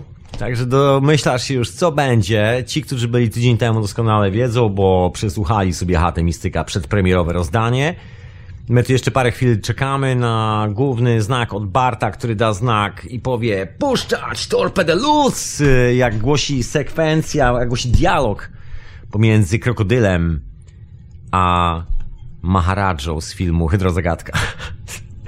Dokładnie, także zanim, zanim pojawi się podcast, jeszcze parę chwil. Ja dzisiaj znikam, bo dosłownie mój timer pokazuje, że za 3 minuty muszę biec do piekarnika, wyłączam piekarnik, wyciągam świeży, pachnący, pięknie wyrośnięty chleb. Chleb y, tym razem z dodatkami. W tygodniu jest normalny, ale jest niedziela jutro, także troszeczkę ekstrasów w chlebie, a te ekstrasy to oczywiście rodzynki i oprócz rodzynków zawsze zapominam polską nazwę. Staram się sobie przypomnieć z rodzynki i och żurawina, dokładnie, i żurawina, dokładnie. Otóż to, także chleb z rodzynkami i żurawiną. Takie coś na mnie czeka, także co, jeszcze chwilę? Jeszcze chwilę? Nie, no nie, już znikam, już nie będę cię męczył tutaj przy mikrofonie. Sorry, że nie ma dzisiaj wieczorowej pory, ale ja dzisiaj sobie odpoczywam.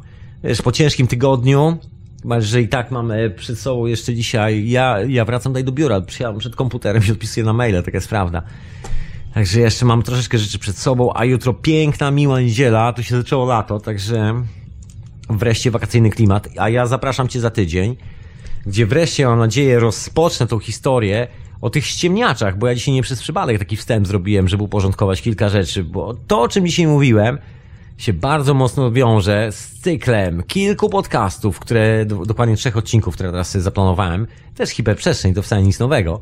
Tylko, że pociągnę jeden ciekawy temat związany właśnie z Egiptem i pewnym drobnym szaleństwem, które się wydarzyło kilku ludziom w głowach.